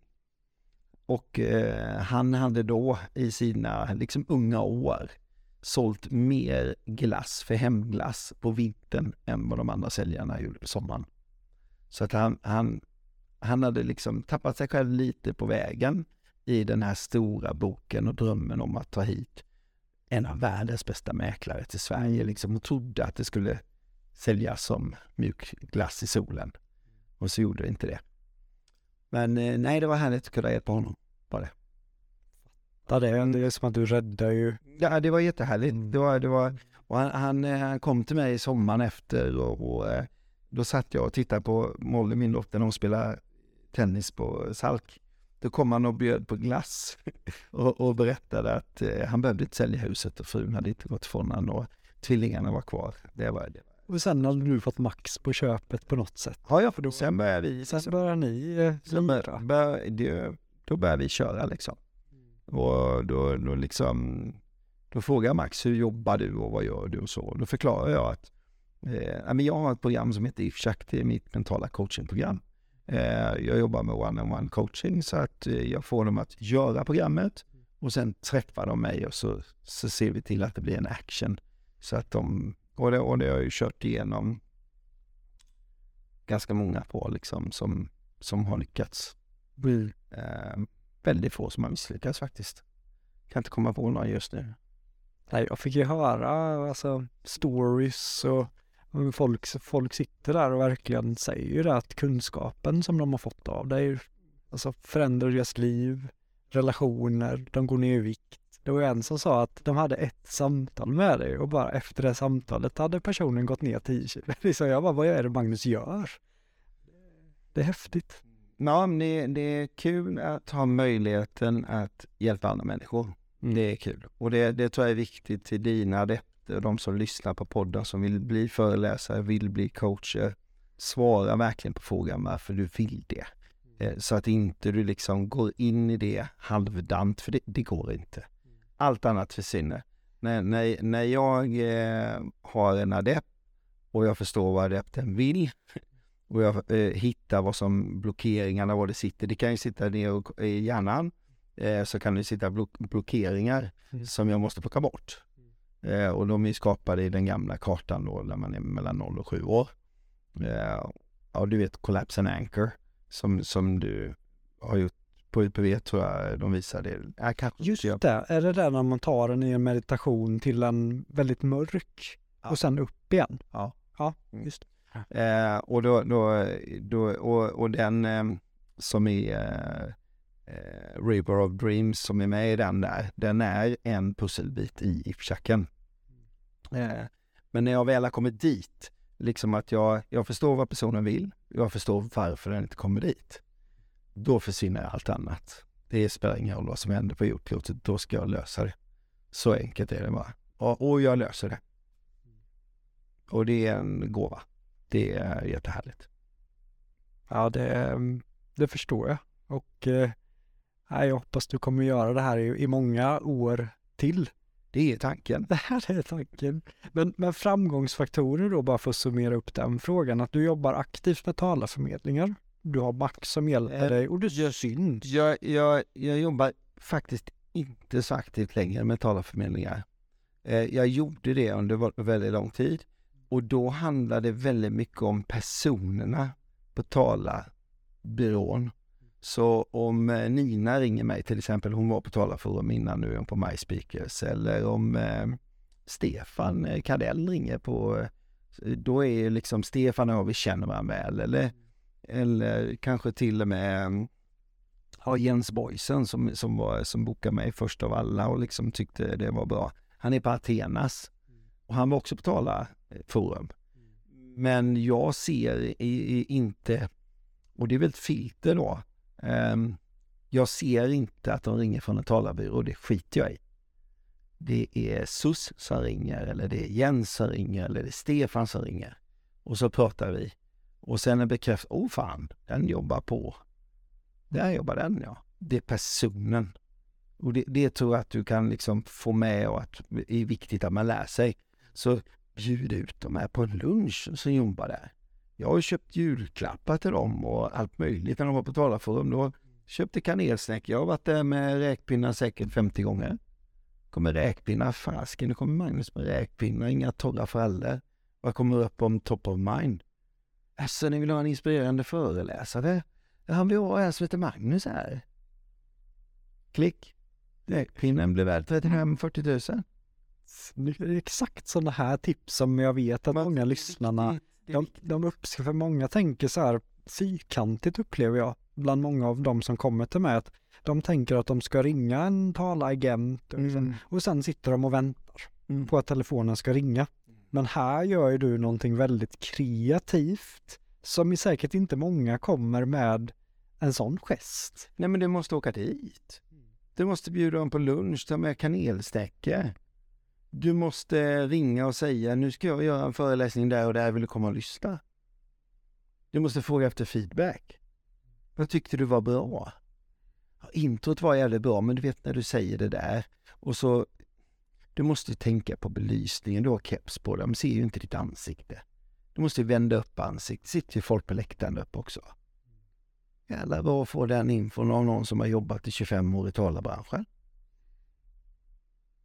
Jobbar du mer så med företag också? Att när du har dina kontaktpersoner, för du jobbar ju med många stora företag, kör du mycket så här för att bygga relationer med företagen eller hur, hur får du dina stora företagsgig? Eh, ofta, ja, företagsgig, eh, nej, de, många av dem går in på min hemsida. Så många av dem är ju med i vd-nätverk och, och eh, koncernchefer känner varandra. Så de säger, du fan boka han Helgesson, vi hade han i torsdags, han var skitbra. Och då spelar det ingen roll vad det kostar. Det spelar ingen roll om det kostar 60 eller 90 000, har ingen jävla betydelse. Mm. Bolag som omsätter 7 miljarder och gör 250 miljoner vinst. Det spelar ingen roll. Vad, ehm, för det har ju cirkulerat en del rykten Magnus, vad du egentligen kostar på en timme. Eller, eller tar du betalt för en session? Vad är en session? Liksom, vad, vad, vad kostar du som Det är en timme är väldigt kort Mm. för mig. Ja. Och, och liksom om Så du kanske inte jobbar timme? Jo, jag jobbar en, en timme kostar 60 000. Det är väldigt enkelt. Och, och sen så är det brutto och nettofördelning. Så jag får 48 000 netto. Så är det. Och, och eh, talarbyråerna får då 12 eller om du, eh, ja, min organisation då. Så mitt inflöde så är det liksom, i, i det här fallet då så är det ju Max som hanterar det. Så om någon skriver in, vi skulle vilja ha Magnus den 15 april i la la la vad det nu är. Eh, och så tittar han i min kalender, jag är ledig. Eh, och sen eh, finns det några andra faktorer också som man tittar på naturligtvis. Du behöver ju ha någon som liksom förstår sig på affären. Ja. Kan, kan det här företaget på fem anställda verkligen boka? Nej, kan de inte. Det kommer inte funka. Eh, men vet man att det är någon större organisation, lite omsättning, vad det nu kan vara. Eller för den delen om det är en prorata eh, föreläsning som, som eh, kan vara pro bono. Alltså att du gör den for free. Slut. Eh, och då kan det ju komma en förfrågan ifrån Max i min kalender eller från Oskar att eh, du, vi har fått in eh, de, här, de här och, och vi förstår redan nu att de kommer inte vilja betala och de kan inte betala. Men de jobbar med det här och det här. Eh, vad säger du? Ah, fan, jag har ingenting att göra den dagen ändå, så jag tar det. Och då, då kan det bli att man gör en gratis föreläsning på morgonen och en fullbetald på kvällen. Mm. Så kan det ju vara. Men, det, men det var en föreläsning, men om man vill jobba med dig med coach? Sen skulle jag bara säga en viktig sak. Absolut. Det är också viktigt att säga nej. När du får förfrågningar från företag som du inte tycker om, ta inte dem. Nej, jag gjorde det för åtta år sedan. Så jag bara, nej fy fan, jag kommer aldrig någonsin göra en föreläsning mer för den här typen av företag som säljer de här typen av produkter som inte bidrar till en bättre värld.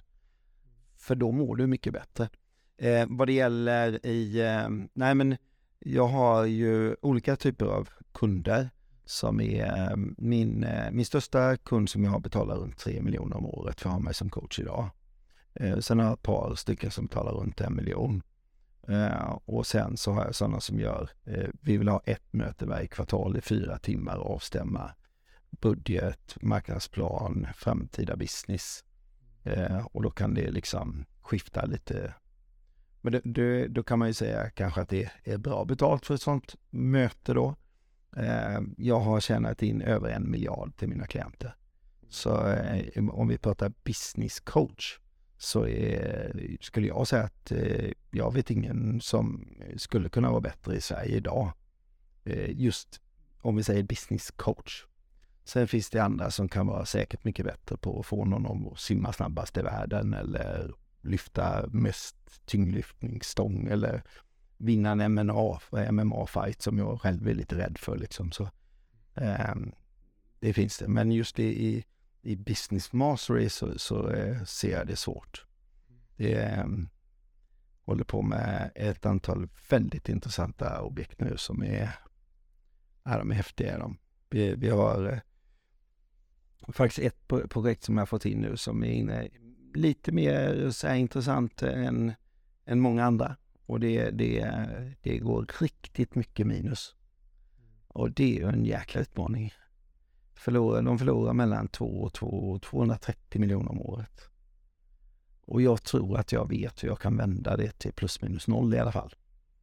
Och kan jag det så är det enorma värden.